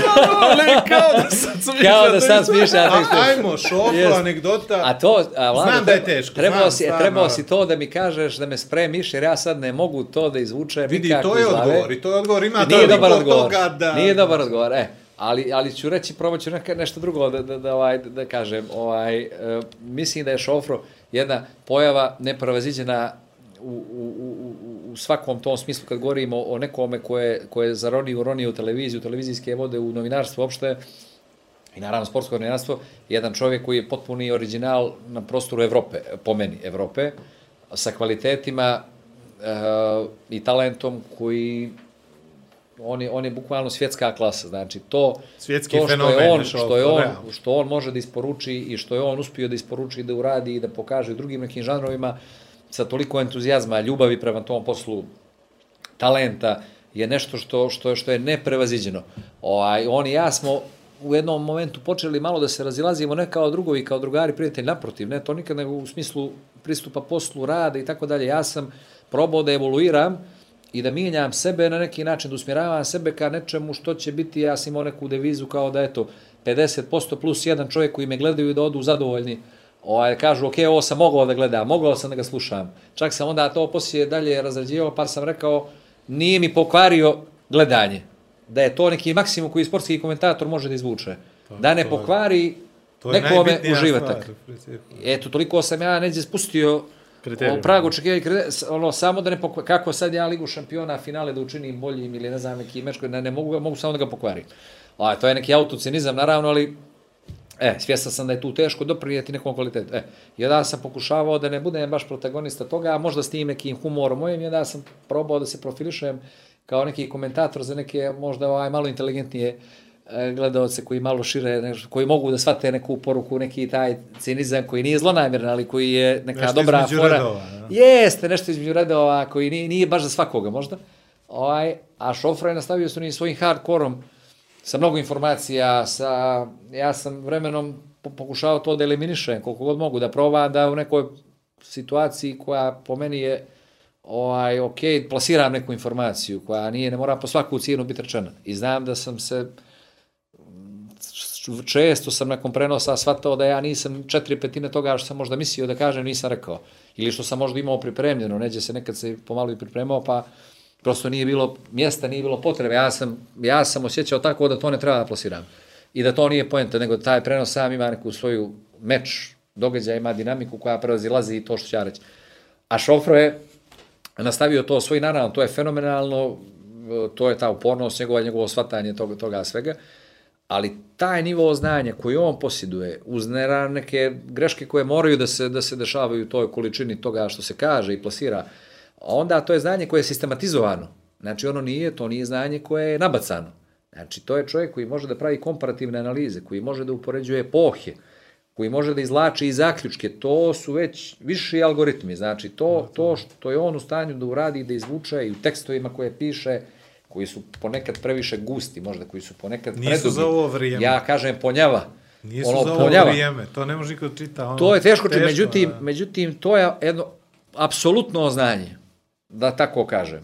I to je po tome on i apsolutni fenomen i čovjek koji može da bude da se iskoristi na, na, na, na mnogo načina i, i ja nisam nikad ni pokušao s njim da se takmičim na tom planu, niti mi je to bila želja. Moj izraz je bio, bio nešto drugo, on je bio taj koji je, koji je ovaj, koji uvijek težio da to svoje znanje maksimalno plasira, jer je mnogima to bilo i vrlo interesantno i vrlo korisno i dan danas sigurno postoji publika koja koja voli da čuje tako, rekorde sekunde, na primjer, on prenosi plivanje, prenosi atletiku, on obračunava unaprijed koliko treba da trči naredni krug od 400 metara, ovaj koji trči na 10.000, da bi mogao da napada rekord iz 2006.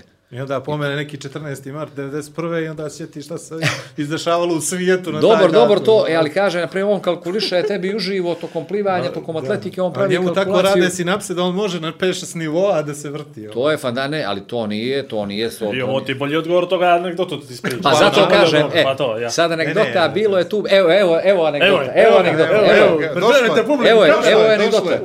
Upravo, upravo London, ovaj, ovaj, e, gdje se ja bio tim lider sad je o šofru se plaši aviona, vožnje avionom i tako dalje. Međutim, ja sam uvijek verovao u njega da njega treba slati i da treba, jer sam bio urednik 7 godina sportskog programa RTCG i pripadati kao opis posla i to da određuješ ko će gdje da ide, ko će šta da radi od, od, od članova redakcije. Ja sam vjerovao u njega i njega sam projektovao bio da ide, da ide u London.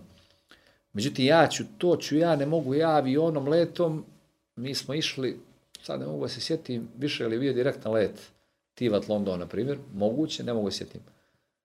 U svakom slučaju cijela ekipa išla avionom, a on u svom aranžmanu će doći. Kako će doći, šta će doći, to, znači taj njegov put počinje taksijem, sjeda u taksiju u Podgorici i taj taksi ga neđe vozi. Mislim da je njega taksi vozio za Milano. Pa onda iz Milana nekakvim opet vozom nešto do, do ne znam dokle, pa ne znam opet, uglavnom to je nekakvo putešestvije i mi smo stigli, mi smo se smjestili, to je neki smještaj koji je ponuđen kao dio zvaničnog smještaja, ali to je podaleko od, od, od, od, od borilišta, borilišta su skoncentrisane u drugom dijelu grada, ti imaš da se voziš dvije, tri linije metroa, da promijeniš, tako.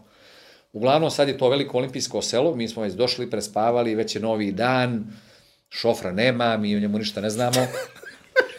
I sad ima jedan centralni kao, kao info o, punkt u sredu ovog, ovog, ovog, ovog sela. Izgubljeno nađe. Ovaj, ne, ne, gdje su ono monitori, gdje se, ne znam, nekakve informacije, Jasno, servisne, i sad mi tu, to je ogromno jedno, jedno prostranstvo, nevjerojatno, I ja sad hodam, tu nešto idemo, i sad šofro treba da stigne, da se javi, nema ga, nije se javio. Ja gledam ovako, idem ka tom, ka tom punktu, ali ne idem jer je to neki dogovor, dogovora nema, mi njega niti možemo da dobijemo, niti mi šta znamo o njemu. Ja vidim jednu pojavu koja stoji onako kao, kao i podsjeća na njega sa leđa, ali još sam daleko i drži nešto nekakav, neki torbak, neku, ne znam, neku kao, nije Mini kesa, kofer. nije kesa, ali jest neka kao ceger, ceger. O, Ona je njegova sportska torba. Ja prilazim, prilazim, znači, ovaj, i vidim da je to on sa leđa koji gleda u taj, u taj, u taj veliki, taj neki stup sa ekranima. Prati rezultat. To je kao na aerodrom onaj. I ja prilazim, shvatam da je on, ja srećan što je čovjek stigao, što je živ, što je zdrav. Tim ceger, rekao, šofro. On se okreće. Aha, okle ti? A ne, Je li moguće, veli on, Znao ti, sam da kaže, je okleti. A rekao šofro, okle, rekao ti, crni šofro, što se ne javiš, gdje si, što? Ja, što ja, evo ja, ja sam tu, ja sam polako, a polako, a polako, stani. On meni kaže, polako. polako. I uglavnom šofr stigao sa cegerom i ovaj, mi smo ga poveli smjestili ga u sobu i poslije je to sve, to je sve poslije išlo, išlo kako treba. I druga, I druga anegdota, i tu završavam sa njim, uh, sada je sljedeća olimpijada već na redu, Rio de Janeiro, Kako je tamo došao taksi? Ne, tamo E, je nama, slušajte meni sad. to pričao u emisiji, da. I, i, i ne znam sad ili ispričao, ili ispričao se, ili ispričao kako sam ga pripremao ja. Ni jedan dio je, pričao je da je bilo bilateralni ovaj dogovor. Jel? Kako šta, ali nije do detalja. E Izvoli, sad, izvoli, je, sad je, mi smo da. imali veću, isto je trebala Da da bude veća operacija, perspektive, 7-8 da. ljudi je trebalo da ide. Ovaj, međutim, Rade Vojdić koji tada bio direktor, nije nešto bilo para i on u zadnji čas, neko 5-6 mjeseci prije olimpijade, otkine nam tu cijelu operaciju i kaže, ne može, mogu samo, kaže, da idu dva, dva snimatelja i dva novinara. Samo dvije NG ekipe. Nema zakupa komentatorskih pozicija, nema ovaj IBC ovog prostora, nema niko da ide ništa. Sve Jedan Gile produkcije. Dedić.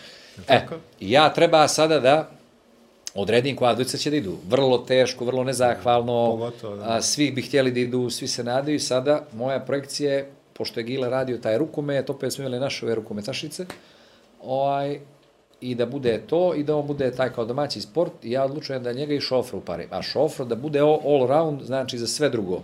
Da radi čovjek bukvalno ovaj, ove mini intervjue u real time-u, da, da pokriva sva moguća druga borilišta, da pravi specijalne reportaže, da juri ekskluzivu i tako dalje. Ako mogu digresiju, to je najbolji televizijski proizvod Tako je, ikad jest. koji je došao e. bilo gdje, bilo kad, na bilo koju televiziju u Crnoj Gori, to što je Šofra radio na olimpijskim E, igrama. e. I ja mislim da to ne može niko da ponovi ikad iz bilo koje države na svijetu na bilo koje Sad moram sebe kao dobrog menadžera tu da istaknem i da pohvalim, to je bila vrlo teška odluka i mene su odmah počeli tu da, da kako to, kako šofro da ide, šofro ne može, prvo neće stići nikad do tamo, drugo i kad stigne on će da se izgubi, pogubi, ne može kao naš. Težak za saradnju. A ti kada kredituješ, ne, to je kraj, nema više nazad. I to je meni baš onako, sa mnogo strana sam ja dobio tu upozorenje, nemoj to da radiš, ti to, ti na tvoju odgovornost, ja na moju odgovornost. Međutim, ja sam njega prije nego što sam ga kreditovao, pola godine su trajale pripreme. Kod mene u kancelariji, virtualni let, jer to nije jedan let, to je Podgorica, Podgorica, Frankfurt, Frankfurt, Sao Paulo, Sao. Paulo, Rio de Janeiro. Ja vam kažem, sjedi tu, e, rekao, sad zamisli, rekao, kako se ukrcavaš rekao, avion, pa, i sad letiš. Podgorica, Frankfurt. Aha, dobro. I rekao, sletio si, a onda izlaziš.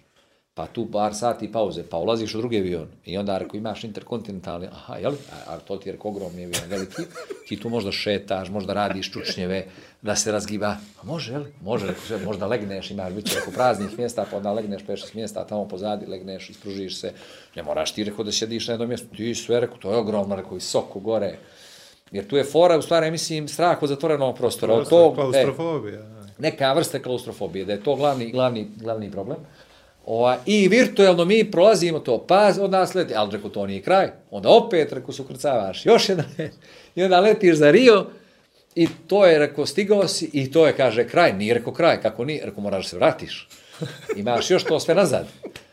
I mi smo to tako jednom nedeljno Na se kraju se završilo tako što su igrali na male golove, oni gile leđe, ovaj. Ne, ja sam rekao, molim te, sad imaš ako 10 dana, rekao, imaš sad da dođeš da mi kažeš da si spreman.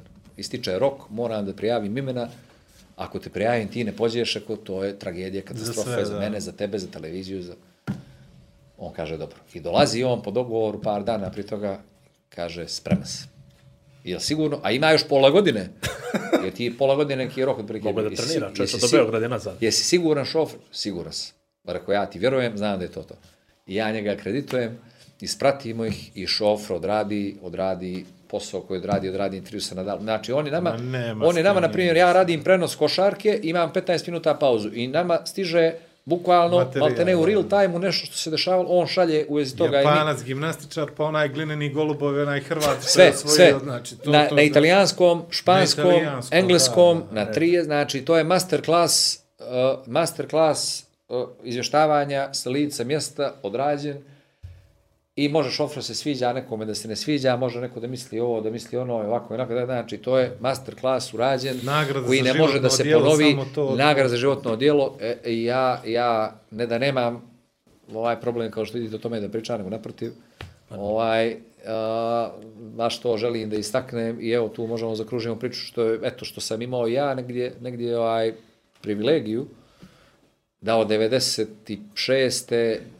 pa sve do 2007. znači 11 godina onako rame uz rame ovaj pišemo tu nekakvu uslovno rečenu istoriju, a i kasnije smo nastavili opet, opet ja se vratio poslije arene u 2011. i evo, i dalje sam sa sedam godina bio urednik, opet smo se sastavili, opet smo čak i radili neke prenose zajedno, tako da je to, da je to skoro dvije decenije nekakvog na zajedničkim projektima rada i, i kažem u sve specifičnosti, sve to što on nosi sa sobom i njegovi prenosi na kraju krajeva koji se mnogima ne sviđaju ili ih nešto iritira i tako dalje, kažem to je jedna, jedan proizvod, on je u više navrata vrhove dostizao i po meni je mnogo više dao u ovim manjim sportovima i u ovim reportažama nego u prenosima najvećih događaja. Zato što je edukovao ljude oko nekih stvari koje su za Biciklizam. nas bile bizarne. Biciklizam. Pa to, biciklizam. Dobro, onda, atletika, plivanje, svi ti individualni sportovi, on je tu davao, davao fenomenalne rezultate, reportaže, izvještaj, jer kaže opet, ti kad imaš finale Lige šampiona, igraju Bayern Barcelona. Znači, ta, taj meč teško može da istrpi ako gledamo sad perfekcionistički, ako gledamo po nekom, znači tu ti treba neđe da sebe, da se skloniš i da nekako, ovaj, i tu ti nemaš. On je s istim, da kažem, nabojem radio i to i nešto od čega je on pravio, ne znam, od Giro d'Italije ili od putevima kralja Nikola, on napravi spektakl. A tu stvarno treba to. Ovamo možda baš i ne treba tako. On nije pravio kompromise. Razlika. On nije imao taj tuning, to fine, to prilagođavanje neko Fina optimizacija. Ne, optimizaciju, nego on piči to svoje i to je uvijek to. Ovaj, e, to je možda nešto, nešto, ali prosto on je takav i, i, i, ovaj, i daje cijeloga sebe u tome, u tome izgara.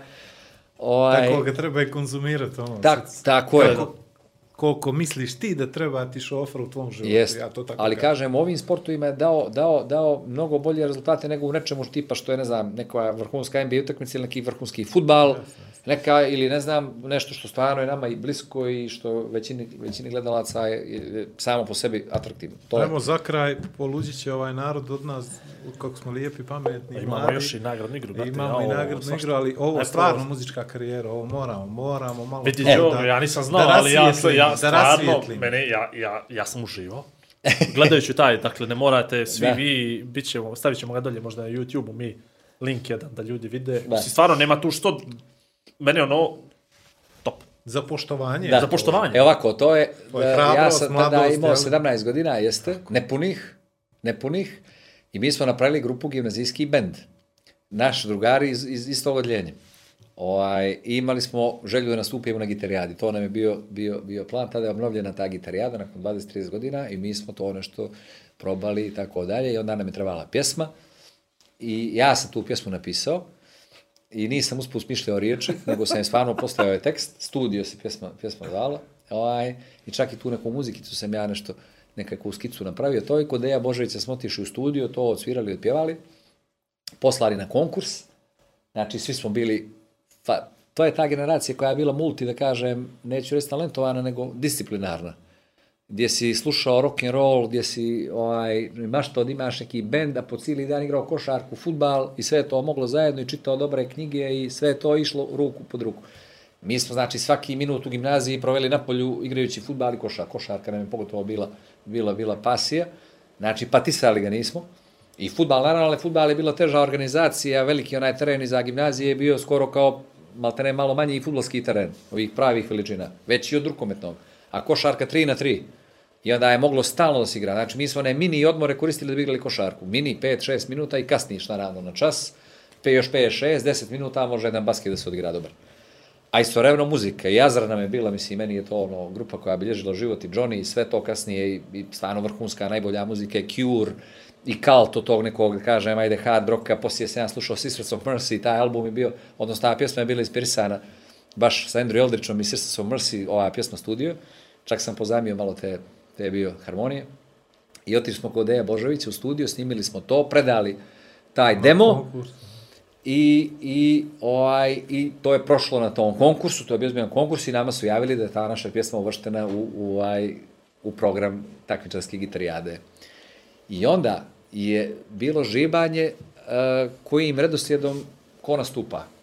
To isto kao sve je bilo ozbiljna priča. I nas izvuku da nastupamo prvi. Prvi, tako. Odatle i taj snimak i sve to, cijela ta priča. I nas prvi da nastupimo, da otvorimo gitarijadu. I bilo je 4000 ljudi je bilo, znači bio pun parter, ono okolo i tako, baš je bilo puno televizije prenosi, jer je to bio događaj, tada ništa nije bilo, to je bila 92. treća, ničega nema, znači, rat, sankcije, haos. Televizija vapi za nečim što može da pušta, Bilo šta, da. samo je skupština bila, beskonačne ove sjednice skupštine. Slično kao ovo sad danas. I vidiš paralelu. Jeste. I, ovaj, I mi smo tu nastupili kako smo nastupili, a izašao, šta će mučenik, to je pjevao, nebitno. Ovaj, I ta je pjesma bila na početku te kasete, prva. Svaka popuna, a ničega, kažem vam, skoro nije bilo. Znači, svakoga dana se to po 5-6 puta dnevno vrćelo. Ubacivala kaseta Oni ubace kasetu i da kaseta... premontava. Ne, ne, ona kreće od početka. A, pa dokle stigne, 15-20 minuta, pola, jer gitarijada trajala sat i po dva. I mi prvi I znači, stalno, stalno, sjećam se u Beograd, otac ode nešto službeno, kaže, evo, gledao sam te ovamo, kaže, ono, nije RT, pa, ne znam, ono, kao, Sa zadovoljstvom. e, nešto kao, e, ne znam, koju formu.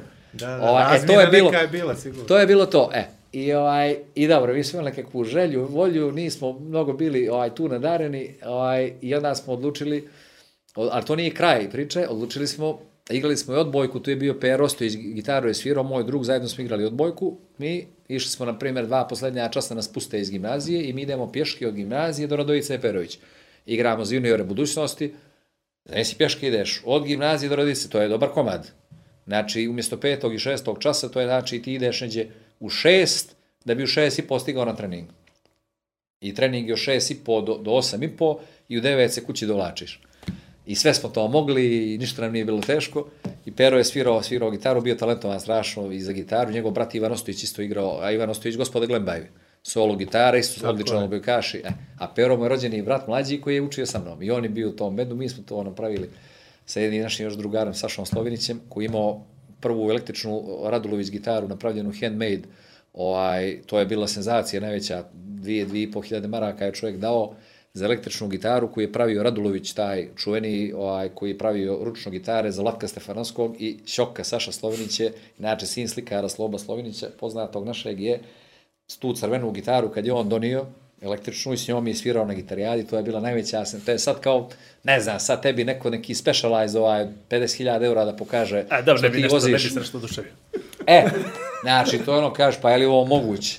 I, ovaj, i, i, I onda, i kao mi, ok, nije to, to, ne možemo, nemamo mi taj, ali dosta smo vježbali u nekim podrumima i čudima, međutim, dođe direktor tada gimnazije kod nas na čas, a mi smo bili odeljenje neko četvrto od C, treće, pa četvrto od C, koje je baš bilo ovako kultno u gimnaziji po mnogo čemu, uglavnom po neredima, nemirima, štrajkovima, čudima. I kaže meni, Kustodiću, kaže, ja kažem, molim sad, tu je stalno bilo nešto pred isključenje, neko tamo, ovamo, vas da je bio neki haos, ja sad razmišljam šta je, šta se desilo, kaže, ova tvoja grupa, ja rekao, koja grupa, tvoj ili ovaj bend? A rekao, nema to više, šta kaže bre, nema. Kaže, danas stupite, kaže, na svečanoj akademiji, povodom 80 godina gimnazije Slobodan Škerović. U domu JNA, kaže da izvježbate, kaže, jednu pjesmu, a poslije veli koncert da držite. Ali imamo tamo jednu imamo. Ja kažem, ali mi ne, mi ne sviramo više, ma kaže, neću da čujem, kaže, za to, kaže, na čas ušao, tu, 30, kaže, to, to je, ne znam, tipa od sad za mjesec dana, da znaš, kaže, vi ste, kaže, jedna, jedna, ovaj, tačka, jedna numera, ste vi, tu će, kaže, biti, uglavnom, tu sad sve najbolje što ima grad, tu je bio pokojni Johnny Hodžić da recituje, tu je bio ovaj Kud Stanko Dragojević, a, ne znam šta je još bilo, folklor neki, ne znam, i mi, između ostalo, kao reprezenti, jeli, gimnazije, grupa, da nastupimo s pjesmom. Znači, pokojni Momir Bulatović, predsjednik Miloš cijeli kor je bio, znači, sve komplet politički, najviši vrh, vojni i tako red. dalje. Prvi red, sve full, a nakon toga izlazi nakon tog zvaničnog programa i naš koncert. I sad to je isto fenomenalno. Znači imam, eto, imam, imao sam privilegiju da održim koncert u punoj sali domena, a bila je, bila je grupa rupa. Iz druge smjene, B smjena, to je znači bio Ivan Maksimović, e, to je bio Škuta Škuletić, ovaj, a, tu je bio Džena, Džena Čekić, on je, on je pjevao, oni su bili ozbiljni, oni su čak te zgarali na moru, bili u Sutomoru, u Čanju, ne znam i tako dalje, oni su baš se ozbiljno bili bavili time, a mi to bili nešto gitarijada, malo, a i, ja kažem, ima grupa ova druga, kakva, kaže, crna rupa, kaže se, ne, on je rupa, grupa rupa, kakva crna rupa, čuješ ti mene, i mi nemamo kud. I ja idem vježbao, jadu radi, i šta ćemo, devojko mala, sjećam se, to nam je bilo, i brate, izlazimo, znači, isto kamere, čuda, pun domjena, i mi to odsviramo, to nije Odradimo. bilo loše, nije bilo loše. Čak dobijemo, sjećam se, aplauze, ovaj, tu su nešto iz muzičke škole, nije, boga mi, nego onako, bili su Pravi aplauzi.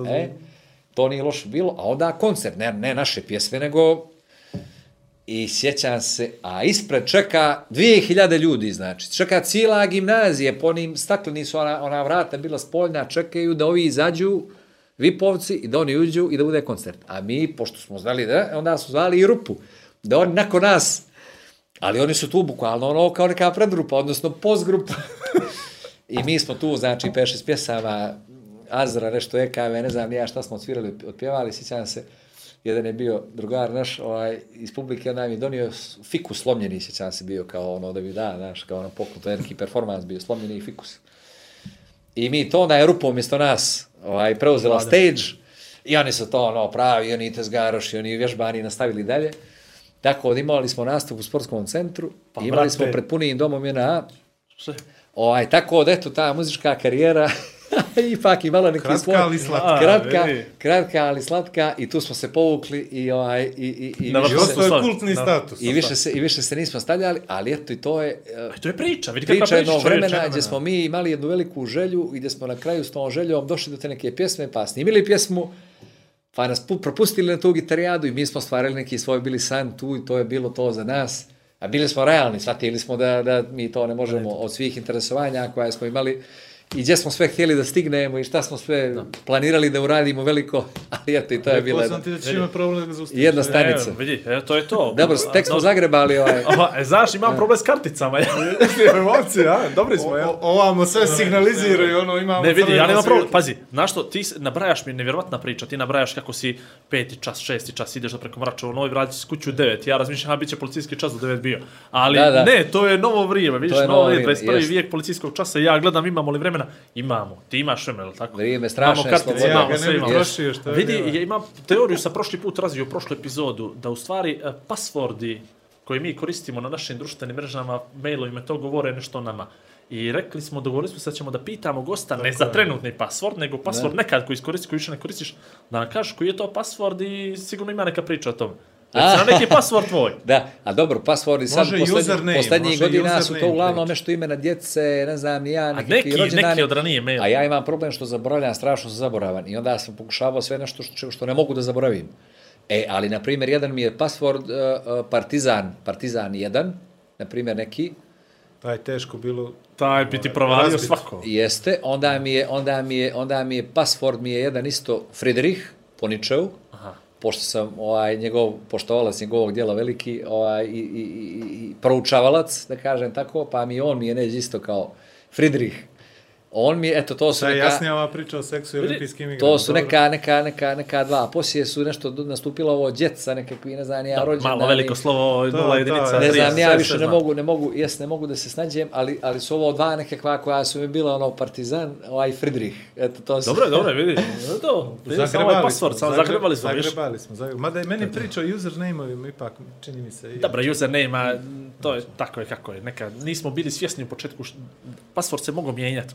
Da. A username je nešto što si ti definisao na početku, a nisi imao jasnu sliku što u stvari ti treba da predstavljaš tim. I onda su dosta ljudi pravilo greške u koracima. Znaš, znam i po čatu nekad Mircu, forumima i to, i Pa onda to, to, to. po igricama Jara nije i onda, znaš, nemaš ti sliku što ti želiš da budeš i daš neki neku- username i vežan. Imaš neku lošu prošlost. Imam veze. strašno lošu prošlost sa username pa ne bih o tome otvarao, otvarao Ja tu sam temu. otvorio nedavno Twitter nalog, Dobro, uf, ne pratim. nedavno, Dobro. da, ovaj, eto, iz neke potrebe da, da, da ne da, jer ja nemam potrebu da svoje stavove, baš imam čak problem veliki da ja formulišem svoj stav i da ga u etar, u etar pošaljem na taj način i da imam mišljenje o svemu i tako da je, to je legitimno, naravno, ja to poštujem, ali ja nemam, nemam ovaj, Poriv. to je nekakva vrsta e, neke, neke introvertnosti, znači nemam da ga, ali, ali, ali otvorio sam nalog da bih prosto vidio šta ta zajednica radi, kako razmišlja, kako pulsira.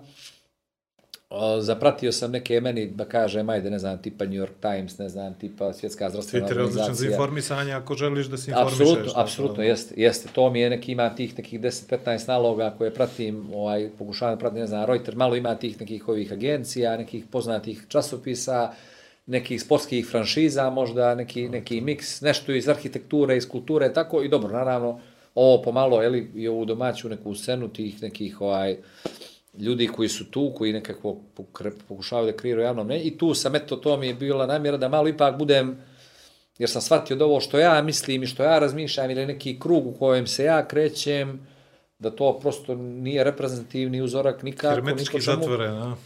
Pa, ne baš, jer dosta toga do mene do mene stiže, ja sam vrlo otvoren, ali, ali prosto ovako, ovaj, da, da, da negdje neke stvari ovaj, ipak kroz, kroz taj filter mogu bolje da pojmim i zbog toga sam, zbog toga sam imao i tu sam, na primjer, ja sa svojim imenom i prezimenom, nemam, nisam imao nikakvu ja potrebu za bilo kakvim nikom ili bilo čim, nikakvim avatarom, jeste, ja sam tu sebe, sebe ovaj, s imenom i prezimenom, da znaju, znaju svi sa kao mojom, mojom fotografijom. Nekad bi si tako. Moj. Ajde da te pitam sad eto, nešto. i kažem, malo sam, nisam aktivan, mnogo, znam, imam, na primjer, ja problem da objavim neku fotografiju svoju, to, to baš, ovaj, to, za to nikako nisam. To znam, ima strašan problem da ti nađemo fotku. Ali, E, e, Da, jest, da, nema, baš. nema, nema ništa, nema niti ja baš to, ovaj, kažem, ima neku vrstu, vrstu introvertnosti kad je to u pitanju. Ali evo, taj Twitter sam, da bi probao malo da, da, da ispratim, dobro, imam na LinkedInu, a to je više Dobro, to je... nekakav poslovni, taj, Svijet. da kažem, profil poslovni svijet, to je neka, A da, neka si, druga da, priča. si, da možda Ali budeš neko. Da. Ko bi bio?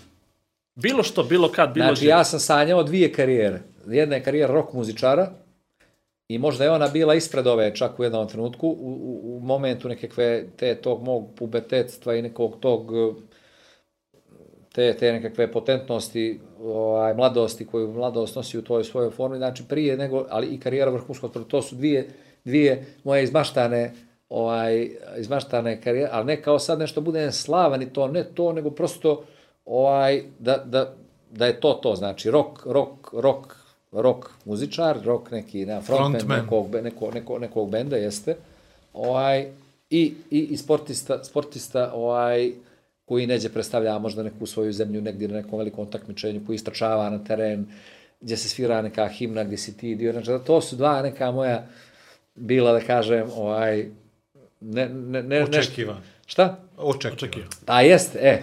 To su negdje s tim što čak možda i ta muzika u jednom trenutku je više bila, znači to je sve bila mašta, ali kažem, više, više sam možda tu čak sebe negdje, jer sam imao tu neku jaku potrebu za, za, za čitanjem, za Pa dobro, nekakvim dodatnim stvarnosti u obrazovanjem. tom momentu nam je bila takva Jeste. da su to bili Jeste. ljudi na koje bi mogli da se Tako je, ugledamo. naša apsolutno. I meni je, meni je, na primjer, Azra i Johnny je meni, znači, ja sam po tim i ti moji komentari, ti moji prenosi, to je sve neđe, neđe je sve to on.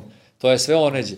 U stihu, u kletvu, jurin kroz grad, kaput na ramenu, normalna stvar i tako dalje, sve te njegove, sve što je opisao, što je, sve što, i on me naučio da mislim, on me naučio da, da, da, da, da, da ne roditelji, nego on, da, da se sa tom dozom zdravog cinizma nekako odosim ovaj, prema svemu što je oko mene, ovaj, da, da, da stvari ne uzimam zdravo za gotovo, da shvatiš da si za svega nekakva priča ovaj, druga negdje i krije i valja, koja nije uvijek ta koja je, koja je u prvom planu i, i da budem slobodan, da napravi mi je problem, na primjer, neprihvatanje autoriteta, a to je odatle iz njegove muzike, iz njegove, ne muzike, nego iz njegovog, Stava. iz njegove To poezije. je rock and roll.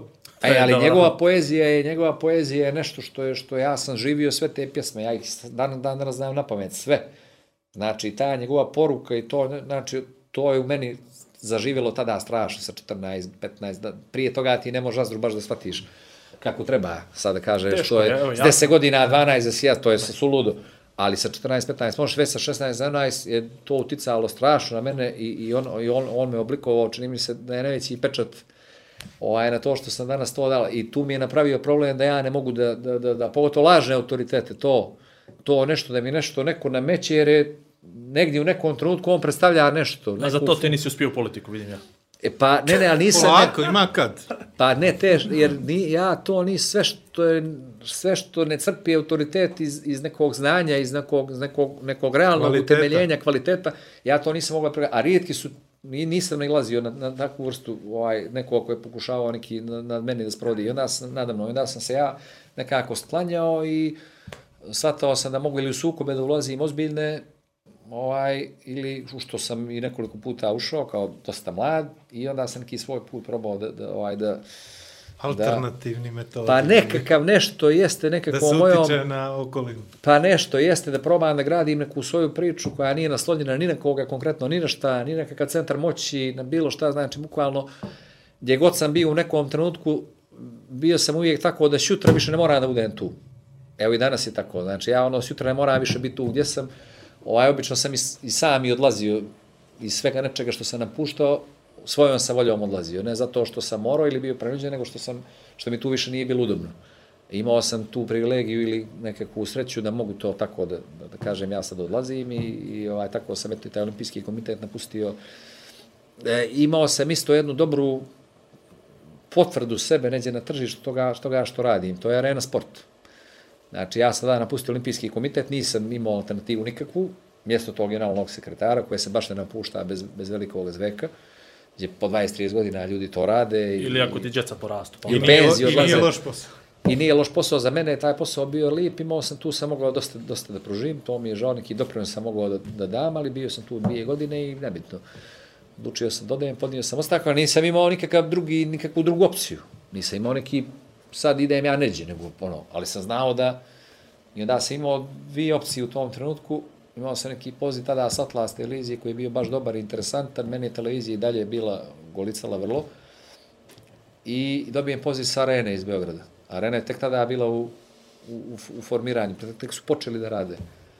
I ovaj, kao da dođeš se pridružiš, ja kažem teško, ja mogu, ne mogu ja tamo da budem, ja mogu da budem, da putujem, mogu da budem tamo 10 dana, pa dobro, ajde vidimo šta ti, kako ti to vidiš.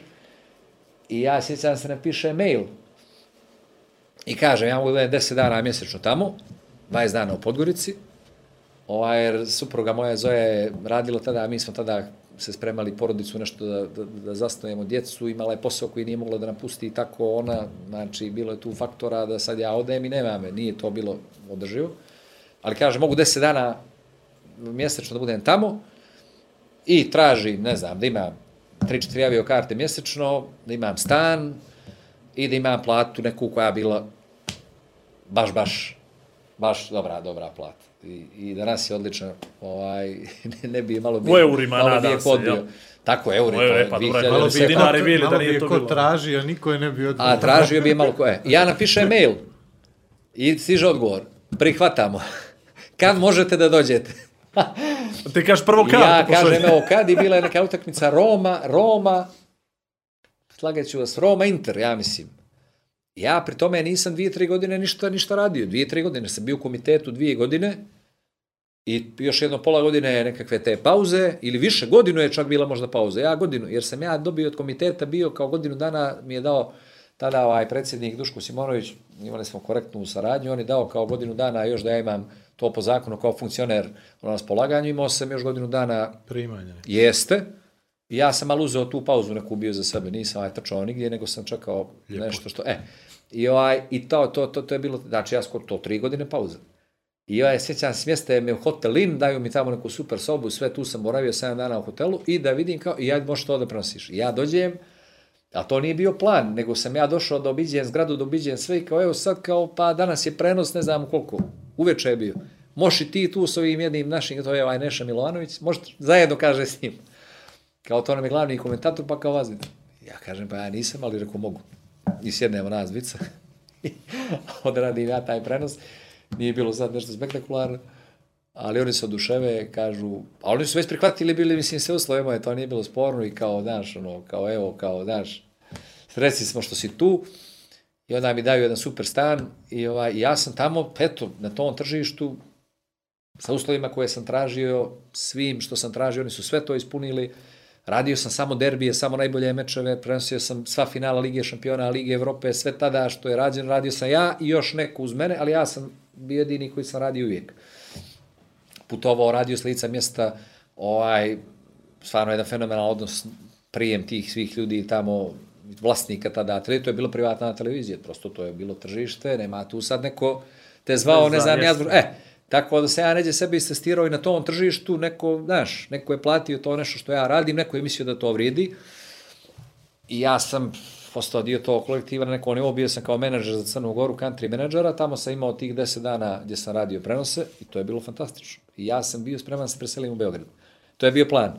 Oni su me zvali i da podignemo to nešto više nivo i to je bilo to.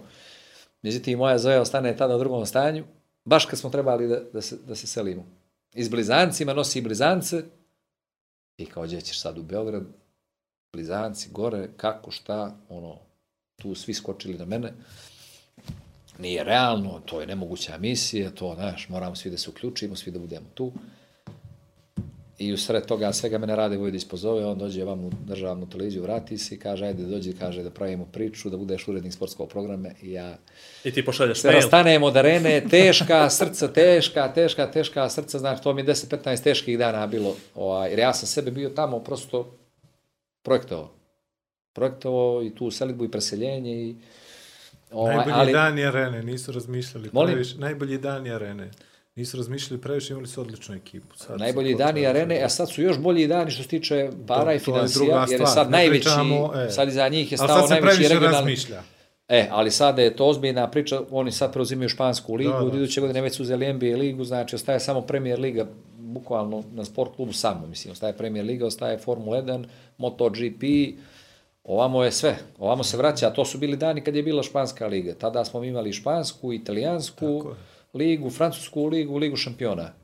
Znači imali smo ozbiljnu priču. Poslije je to sport klub, ja sam tamo na vrhuncu tom otišao, to je bio privatnik, čovjek, Goran Đaković, jedan entuzijasta, nevjerojatan vizionar, on je napravio arenu, e sada je to Telekom Srbiji, to je ozbiljna priča i arena će ostati gigant i bit će, mislim da, da će dugoročno oni na tom tržištu da budu apsolutni, apsolutni, 100%, to je to, apsolutni lideri. kažem, tad, si, tad je konzument sportskih prenosa Da. ima ono što ga najviše interesuje, Da. sportski prenos. Sportski prenos, da. Sad kad krene ono, vijesti, vijesti, Jeste, vijesti, jeste, jeste, studio, pa ti studio, neko priča, jeste. a tebi se čini s druge strane, ti znaš Je, više. naravno, to I onda svima- znaš, i jeste. zato kažem previše razmišljam. Ne Jeste. mislim uopšte na veličinu. Ne, to ne, je, naravno. je- Ali eto, kažem, imao sam tu satisfakciju, ono, da nešto što sam radio, ipak je, Jasno. nije to sad, ja sam pričan za sebe, ja sam strašan, ja sam najbolji, ja sam ovakav, onaka, sve to okej, okay, mada ja to nikad nisam mislio, uvijek sam mislio da sam dobar, ali kažem, ja sam i onda sa njima držao tamo sve vremena jedno, jedno predavanje, uslovno rečeno na areni,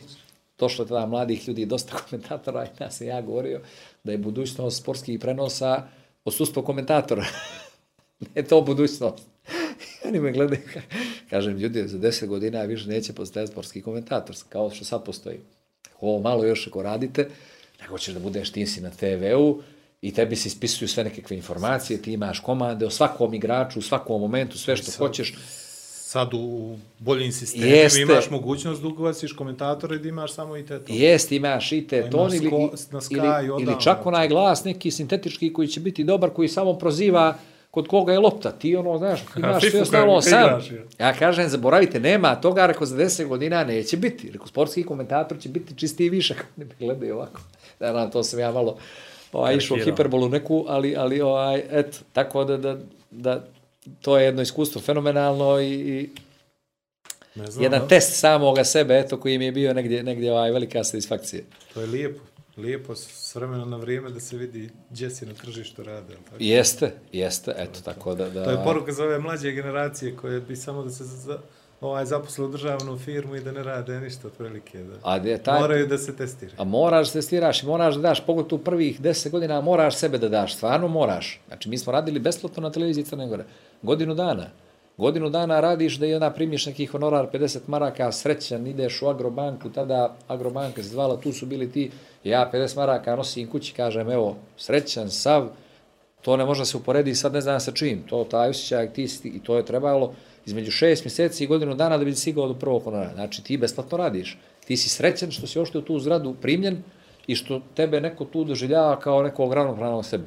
I onda ideš dalje pa radiš, ja sam četiri godine radio bez rešenja, nisam imao stalni radni odnos, sve je to normalno bilo, to je sve neki put kojim ti ideš, ali vjeruješ u sebe i i kažeš ovo će da bude dobro, ja vrijedim, ja ću to u jednom momentu znati da, da, da, Da sastaviš mail, dobar. da naplatim i da, da. jest da se staviš dobar mail, jest, e.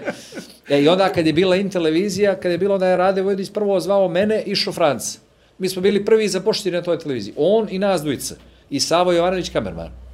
Znači, tri, četiri mjeseca smo primali platu, još televizija nije bila otvorena. E, još to su je radovi, posao, to je još su posao, radovi druže. To je izvođeni. minuli rad. To je, a to je, vidi, on Ali pazite, mlađ, a to i, su i, i rada. to je tržište, pazite, ja sjećam se kao sad, i to je tržište, i rade sa mnom pregovara, mi smo već drugovi, mi smo već tamo 5-6 godina, on je urednik trećeg programa, ja sam tu, ali već smo bliski, mi smo prve godine u Ameriku, on je išao sa mnom, on mi je bio snimatelj, prve godine, pa sam ga zamijenio onda s Maksimovićem. I ja mu tražim, sjećam se, platu, marke su bile, hiljadu maraka, sjećam se. Znači, imao sam 400 maraka na televiziji Crne Gore, to mi je bilo plata, ja kažem, hoću da pređem, hiljadu maraka platu hoću da imam. Kako li? Sjećam se, on mi nudi 900, sjećam se, mi sad njemu sto kao, znaš, kažem, ne, hiljadu. A pa stani, pa kako, pa ovo, pa ono, pa ipak 900. Ja kažem, ne, ne, hiljadu maraka, plata, nema problema, ja Da prolazim. ne razmišljaš, da računaš, kako ćeš, evo, realno, da imaš 900 maraka, za 7 mjeseci koliko primaš? Znaš? Ne, ne, ne, ne Ma, može to da znaš. 63. Ovako ti je 7 mjeseci 7 milijada, 8 mjeseci 8 milijada. Ali on kao do, i kao dobro. I sad, ali tamo se još radovi izvode u tom prostoru gdje će biti televizija u toj zgradi, to je na sutaren bio od nekih 600 sve kvadrata i to se još prilagođava i tu su bukvalno zidovi se ruše, tu ne možeš ti da shvatiš da će biti bilo šta, kamo li televizija. I ja primam prvu platu i sjećam se jedna novčanica ona je bila. Ja ne znam ili bio Mozart, a, ko je bio? Ili možda Schopenhauer, ne, hiljadu maraka, jedna novčanica, sjećam se. I stiže ti u koverti plata, ali televizija nije još ni, ti kažeš ko zna kad će ovo biti otvoreno. Ali je trebalo hrabrosti tada da se napusti državna televizija, to isto malo bilo, ja sam bio taman dobio rešenje. I sjećam se, ovi su bili tada kolege neke, je bio E. pokojni Ranko Jović, on mi kaže, nemoj da ideš, kaže, kaže, sjećam se, to je, kaže, televizija, samo kaže, do referenduma. A tada je bila projekcija da će referendum da bude 2002. odmah kao.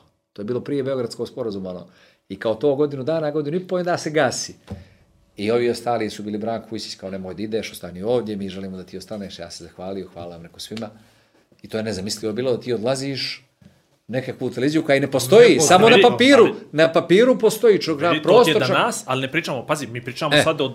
Zamisli Ali ja da nisam- iz, iz državne firme Da, da. u privatnu, bilo kako Da, privatnu. da. I to je sad... E, u ali ja nisam ne imao dilemu jedan, jedan sekund. Pri tome je ta plata koju istraži, to nije bila kao cinjivačka plata. To je bilo nešto sam ja mislio da ja vrijedim nakon 4-5 godina tamo, da ja vrijedim toliko i da to ni, i to je bilo neđe realno. I on je to na kraju prihvatio i to je bila ta plata ovaj, i kažem ta jedna novčanica, sjećam se kao sad, ovaj, i, i tri, ja mislim da smo dva ili tri mjeseca primali i onda je stvarno počeo. U jednom momentu je konačno počela in televizija i to je bilo Hvali to. se čovjeku. Ovaj, dobro. Ovo je već dva sata. Ovo je, e, ovo je stvarno, nismo imali i podcast, ali, ali, bilo, je- ali da. bilo, je- bilo je super. A je ovako, zašto je ostalo? Ostalo je ovaj koment, uh, odnosno pitanje, ko je dobio nagradu? Koje je ti bilo najinteresantnije? Ne, ne, ne, možeš koje je bi bilo, pošto ne zna koje je bilo od pitanja od gledalaca. Moraš ti reći što je bilo od gledalaca pitanje. Bilo ti je za muzičku karijeru, o, za šofra anegdota Da, i Pierre Boja. Da. Koje ti je bilo Ja treba da najinteresantnije? Ne, moraš da izabereš koje je bilo ko- najinteresantnije da bi mi ko dali Pa ne, ne, za, za Pijera Boju jer sam to zaboravio. Bio E, i onda da, me sad to osjetilo i nasmijalo me strašno. Ekstradicije. Dobro. Ti znaš ko je to postavio? Znam, samo što je on u Švedsku. da, pa ne mogu. Gospodin Dejan Tiganj iz Nikšića ovaj je... Eto, pozdrav za Ovaj. Dejana. Vidi, sad u dobio, Švedskoj trenutno, ali dobro, možda dobio kutiju kafe. Pazi, e, dobio je- kutiju kafe da izabere od, od Malo tipa sve, vidi, današnje vrijeme, velika stvar. Da. Zato što mi pozivamo ljude da zovu na kafu i pošto nas niko ne zove na kafu, niti Da. nam časti po kafu, Da. mi smo odlučili, ok, evo, izvolite ljudi po kutiju kafe. Samo Da. kogod hoće, bolje, bolje, ako Da nemaš aparat doma, evo ti u zrno, evo ti mljevene, ili to, Da. nema vez, čekat će ga. Dobro. Evo, će ćemo, napravit ćemo komunikaciju. Napravit ćemo vaš, pa ćemo možda naći one mene kutija kafe danas. Dobro, ostalo nam je sad, uh, ostalo nam je sad nagradna igra, odnosno ne nagradna igra, no Đoko mora da, da puca, To je od- do danas nismo to ni na rekli. kraj, da mu pod, dodam ove poklone i Ne, ovo. čega to da je, sad čekaj, prvo sad pucaš pištolja, ali sad to ide kat, mi kat, pa puc, pa, vidjet ćeš ti foru tu. Uglavnom, objašnjamo sve o čemu se radi, imamo metu, naše dvije glave, bodovi i moramo mi da prokomentarišemo to što ti gađaš. Dobro, dobro. znači, zavisi vladova, oči, usta, to, to, Da. vidjet ćemo sve To što će kako će izaći. I, ovaj, I to je to. Tako da mi sad ovo uh, režemo i onda pravimo odjavu. Može? Jedno pola sata od ovoga napraviti. Strelja, streljaštvo, idemo Dao streljaštvo. sam, Idemo na streljaštvo. dao sam vam meso. Kat. Igor i Vlado predstavljaju Imaš sad, ovo ti je hendikep. Dobro. Fizički i psihološki. Dobro. Znači, fizički tako što će da istaviš, pa će malo ti zamagli vid, a psihološki da znaš da imaš te naočare na glavu, Dobro. koje će te snimati. Dobro. I što? Eto. I ovo gađaš. Pojeni. Poeni. Ovo je nula, vladova To je očekivano. To je očekivano. To je očekivano. Uši su na po 75, generalno onakve su. Ovo je ako mene uspiješ da začepiš. Znači, to ti je sloboda, to ti je nagrada. I ovo ti je ostalo analizirati gdje ćeš. Po 10 sklekova ako promaši, a ne uđe. Nego ti vjerujemo na riječ. Ok? Airsoft Grand, Pet, jel? pet komada.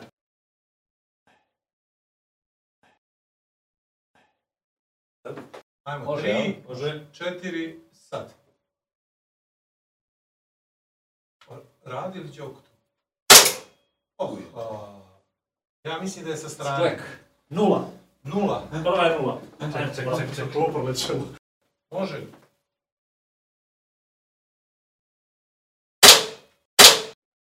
Eto ga tu pored moje Evo ga, ja boga mi, ovo nije zaokruženo, ja bi mu dao 75 pojena. Ali nije, ne, izvini, što je ovo dođe? Zar nije ispod? 30? Joko, probaj da Hoće. udahneš i da izdahneš. To ti je, kažu da treba.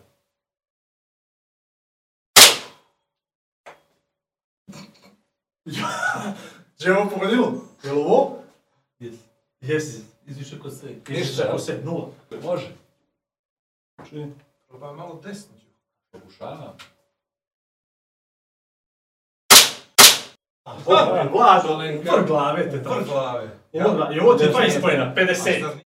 Lot of boring math later. nije- Ti misliš da je ovo 30? Jeste, mora biti, mora biti. A ako je ovo pogodio, teško može 60. Ali, ali vidi, to je loše, to je A, da, da, lice. može, može lice, 60. lice, Može lice. 60. A zašto je naočar onda 60? To me buni.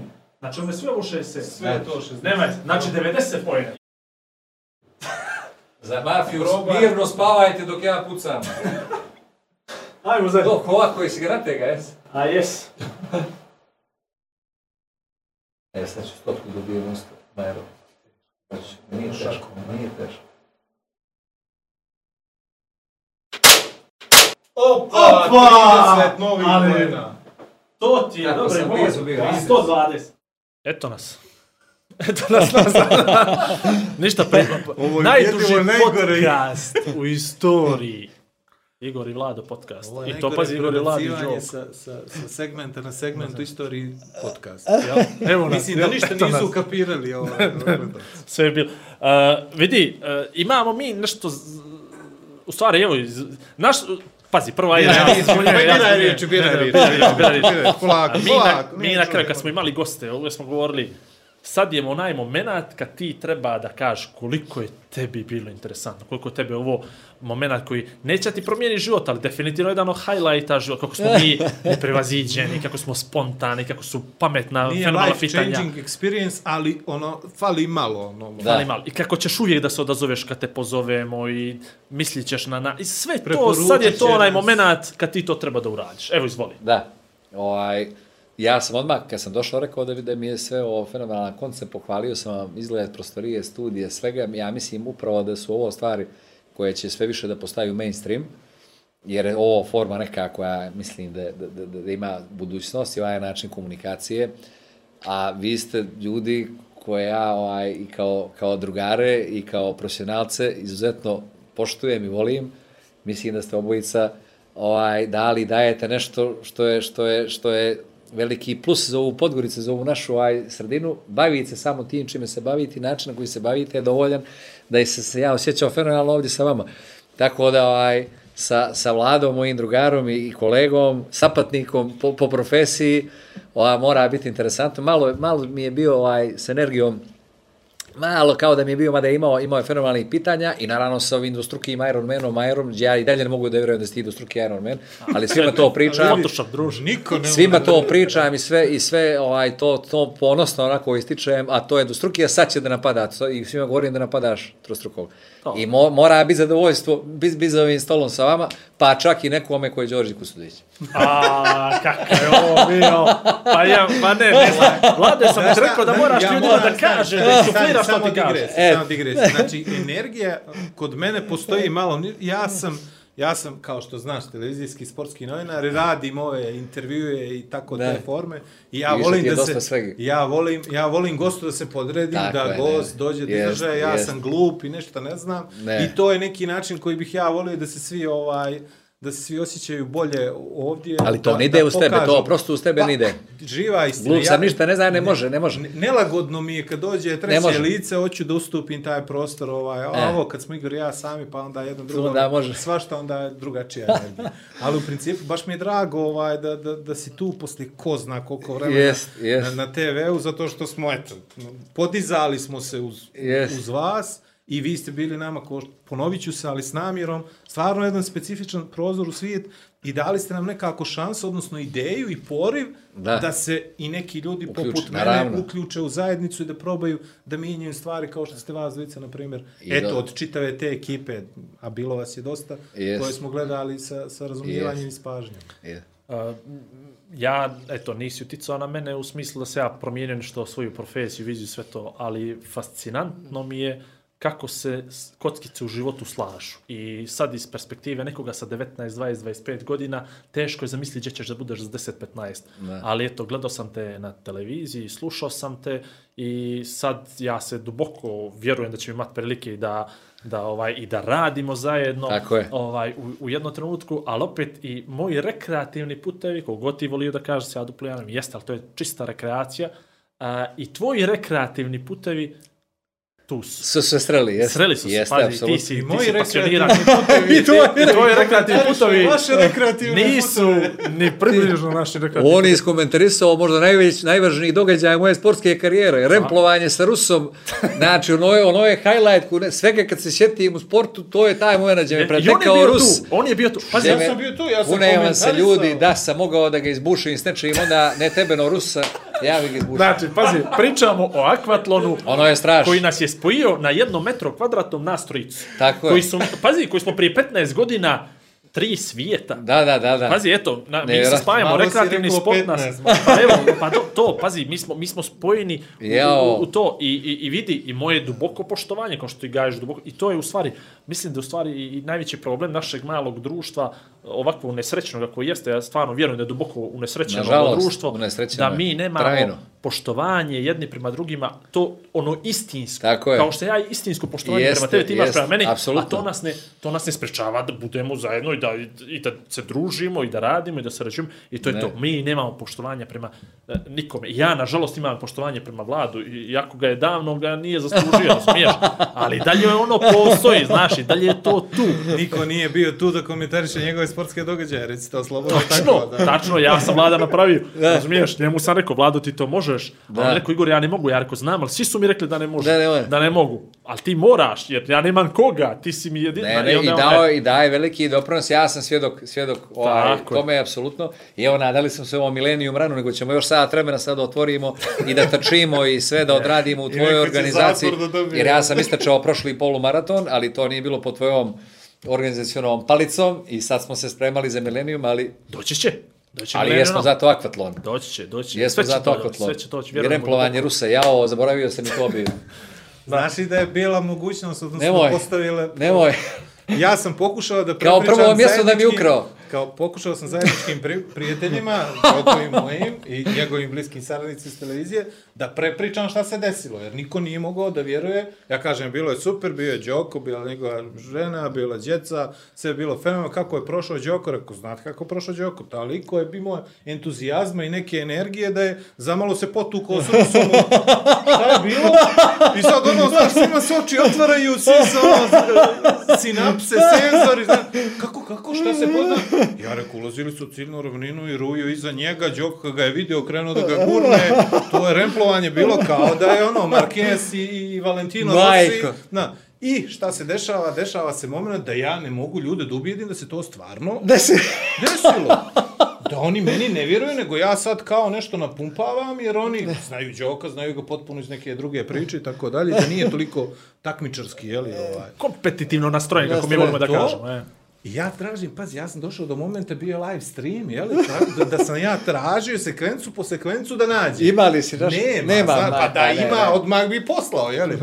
Uglavnom, to je ostalo kao neka anegdota. Vlado je možda slagao, Slagao, a pa- možda i nije. Ali mi je milo da si pomenuo da ljudi, da ljudi znaju ne, stvarno je, bilo pa, nerealno. zaboravio sam bio na to, ali eto, što si napravio kakav događaj, da sam ja patio, I na patio, kraju nisi htio da pričam. optuži i kaže što me nisi upozorio. Jeste, Jeste, toga se I sjećam. čovjek da me ne upozori da mi ovaj, a on, ovaj 20 metara iza mene sve vrijeme, ja ga kontrolišem i, on, i onda na onu nizbrdicu čovjek, majku, znači nizbrdica ima jedna, i on zalet, ja nema više vremena da je dragujem, prekasno, ima još 10-15 metara i stiže me na nizbrdicu, Ja moram da priznam da ja nisam Ja shvatio da si ti to tako ozbiljno shvatio. Znaš, Samo zato je slušaj, meni izostala ja sam, ja sam 250 metara duže plivao od ostalih, zbog loše markacije. Organizacija. Ova organizacija je da, nebitno. da. Izašao sam na polje tranzicije, mi je trajala, tri minuta mi je tranzicija trajala da se preobučem, jer prvi put to u životu radim. Ja sam trčao, 4.50 sam trčao, pazi, 4.50 po kilometru.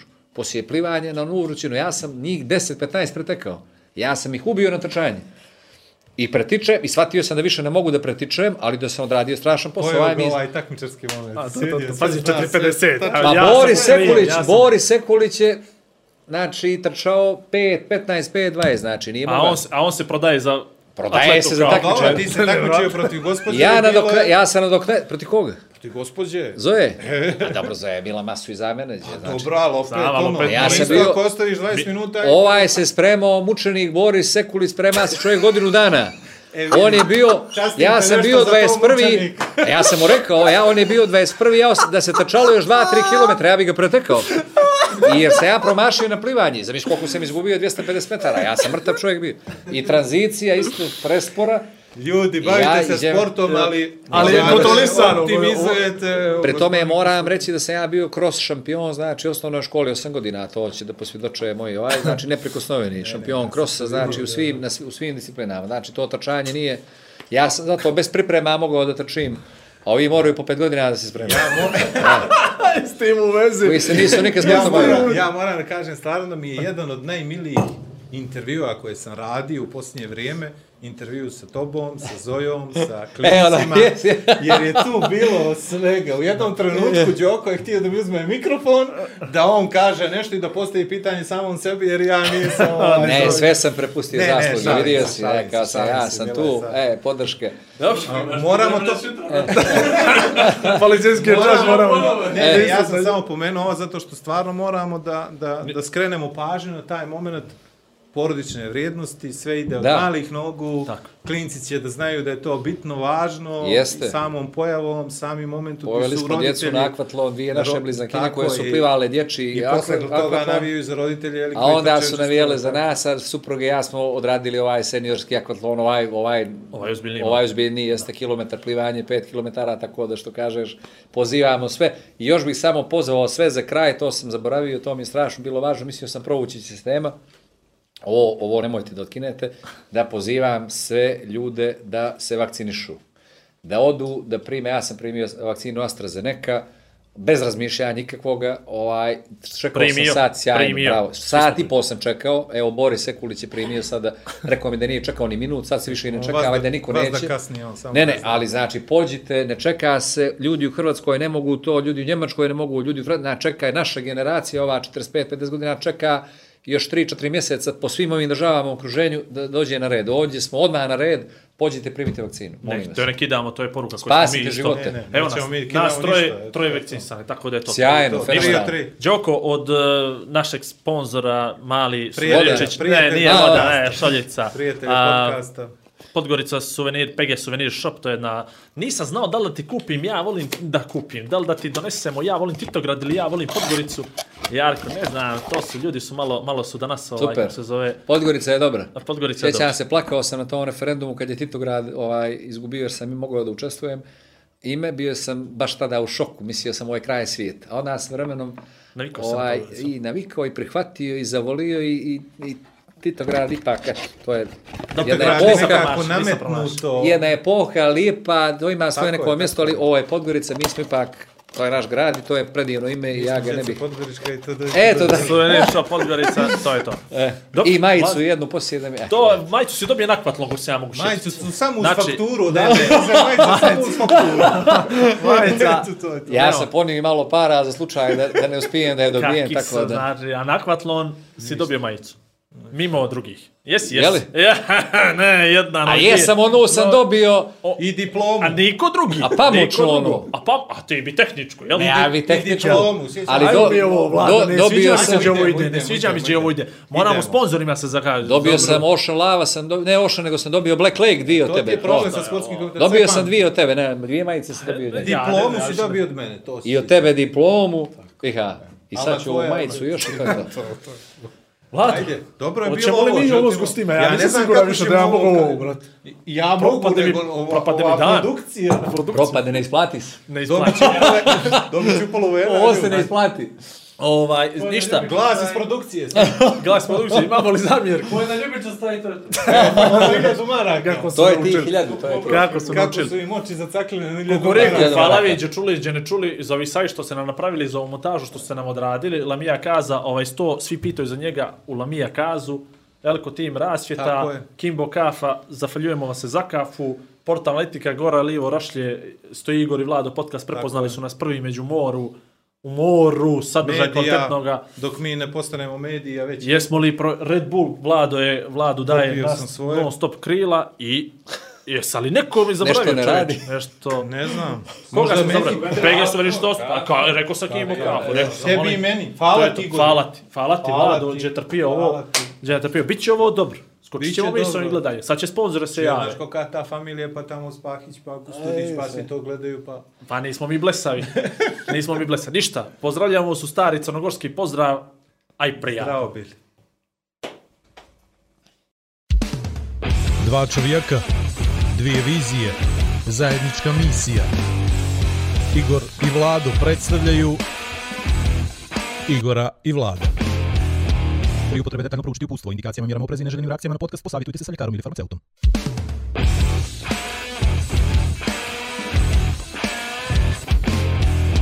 A da vi rečem...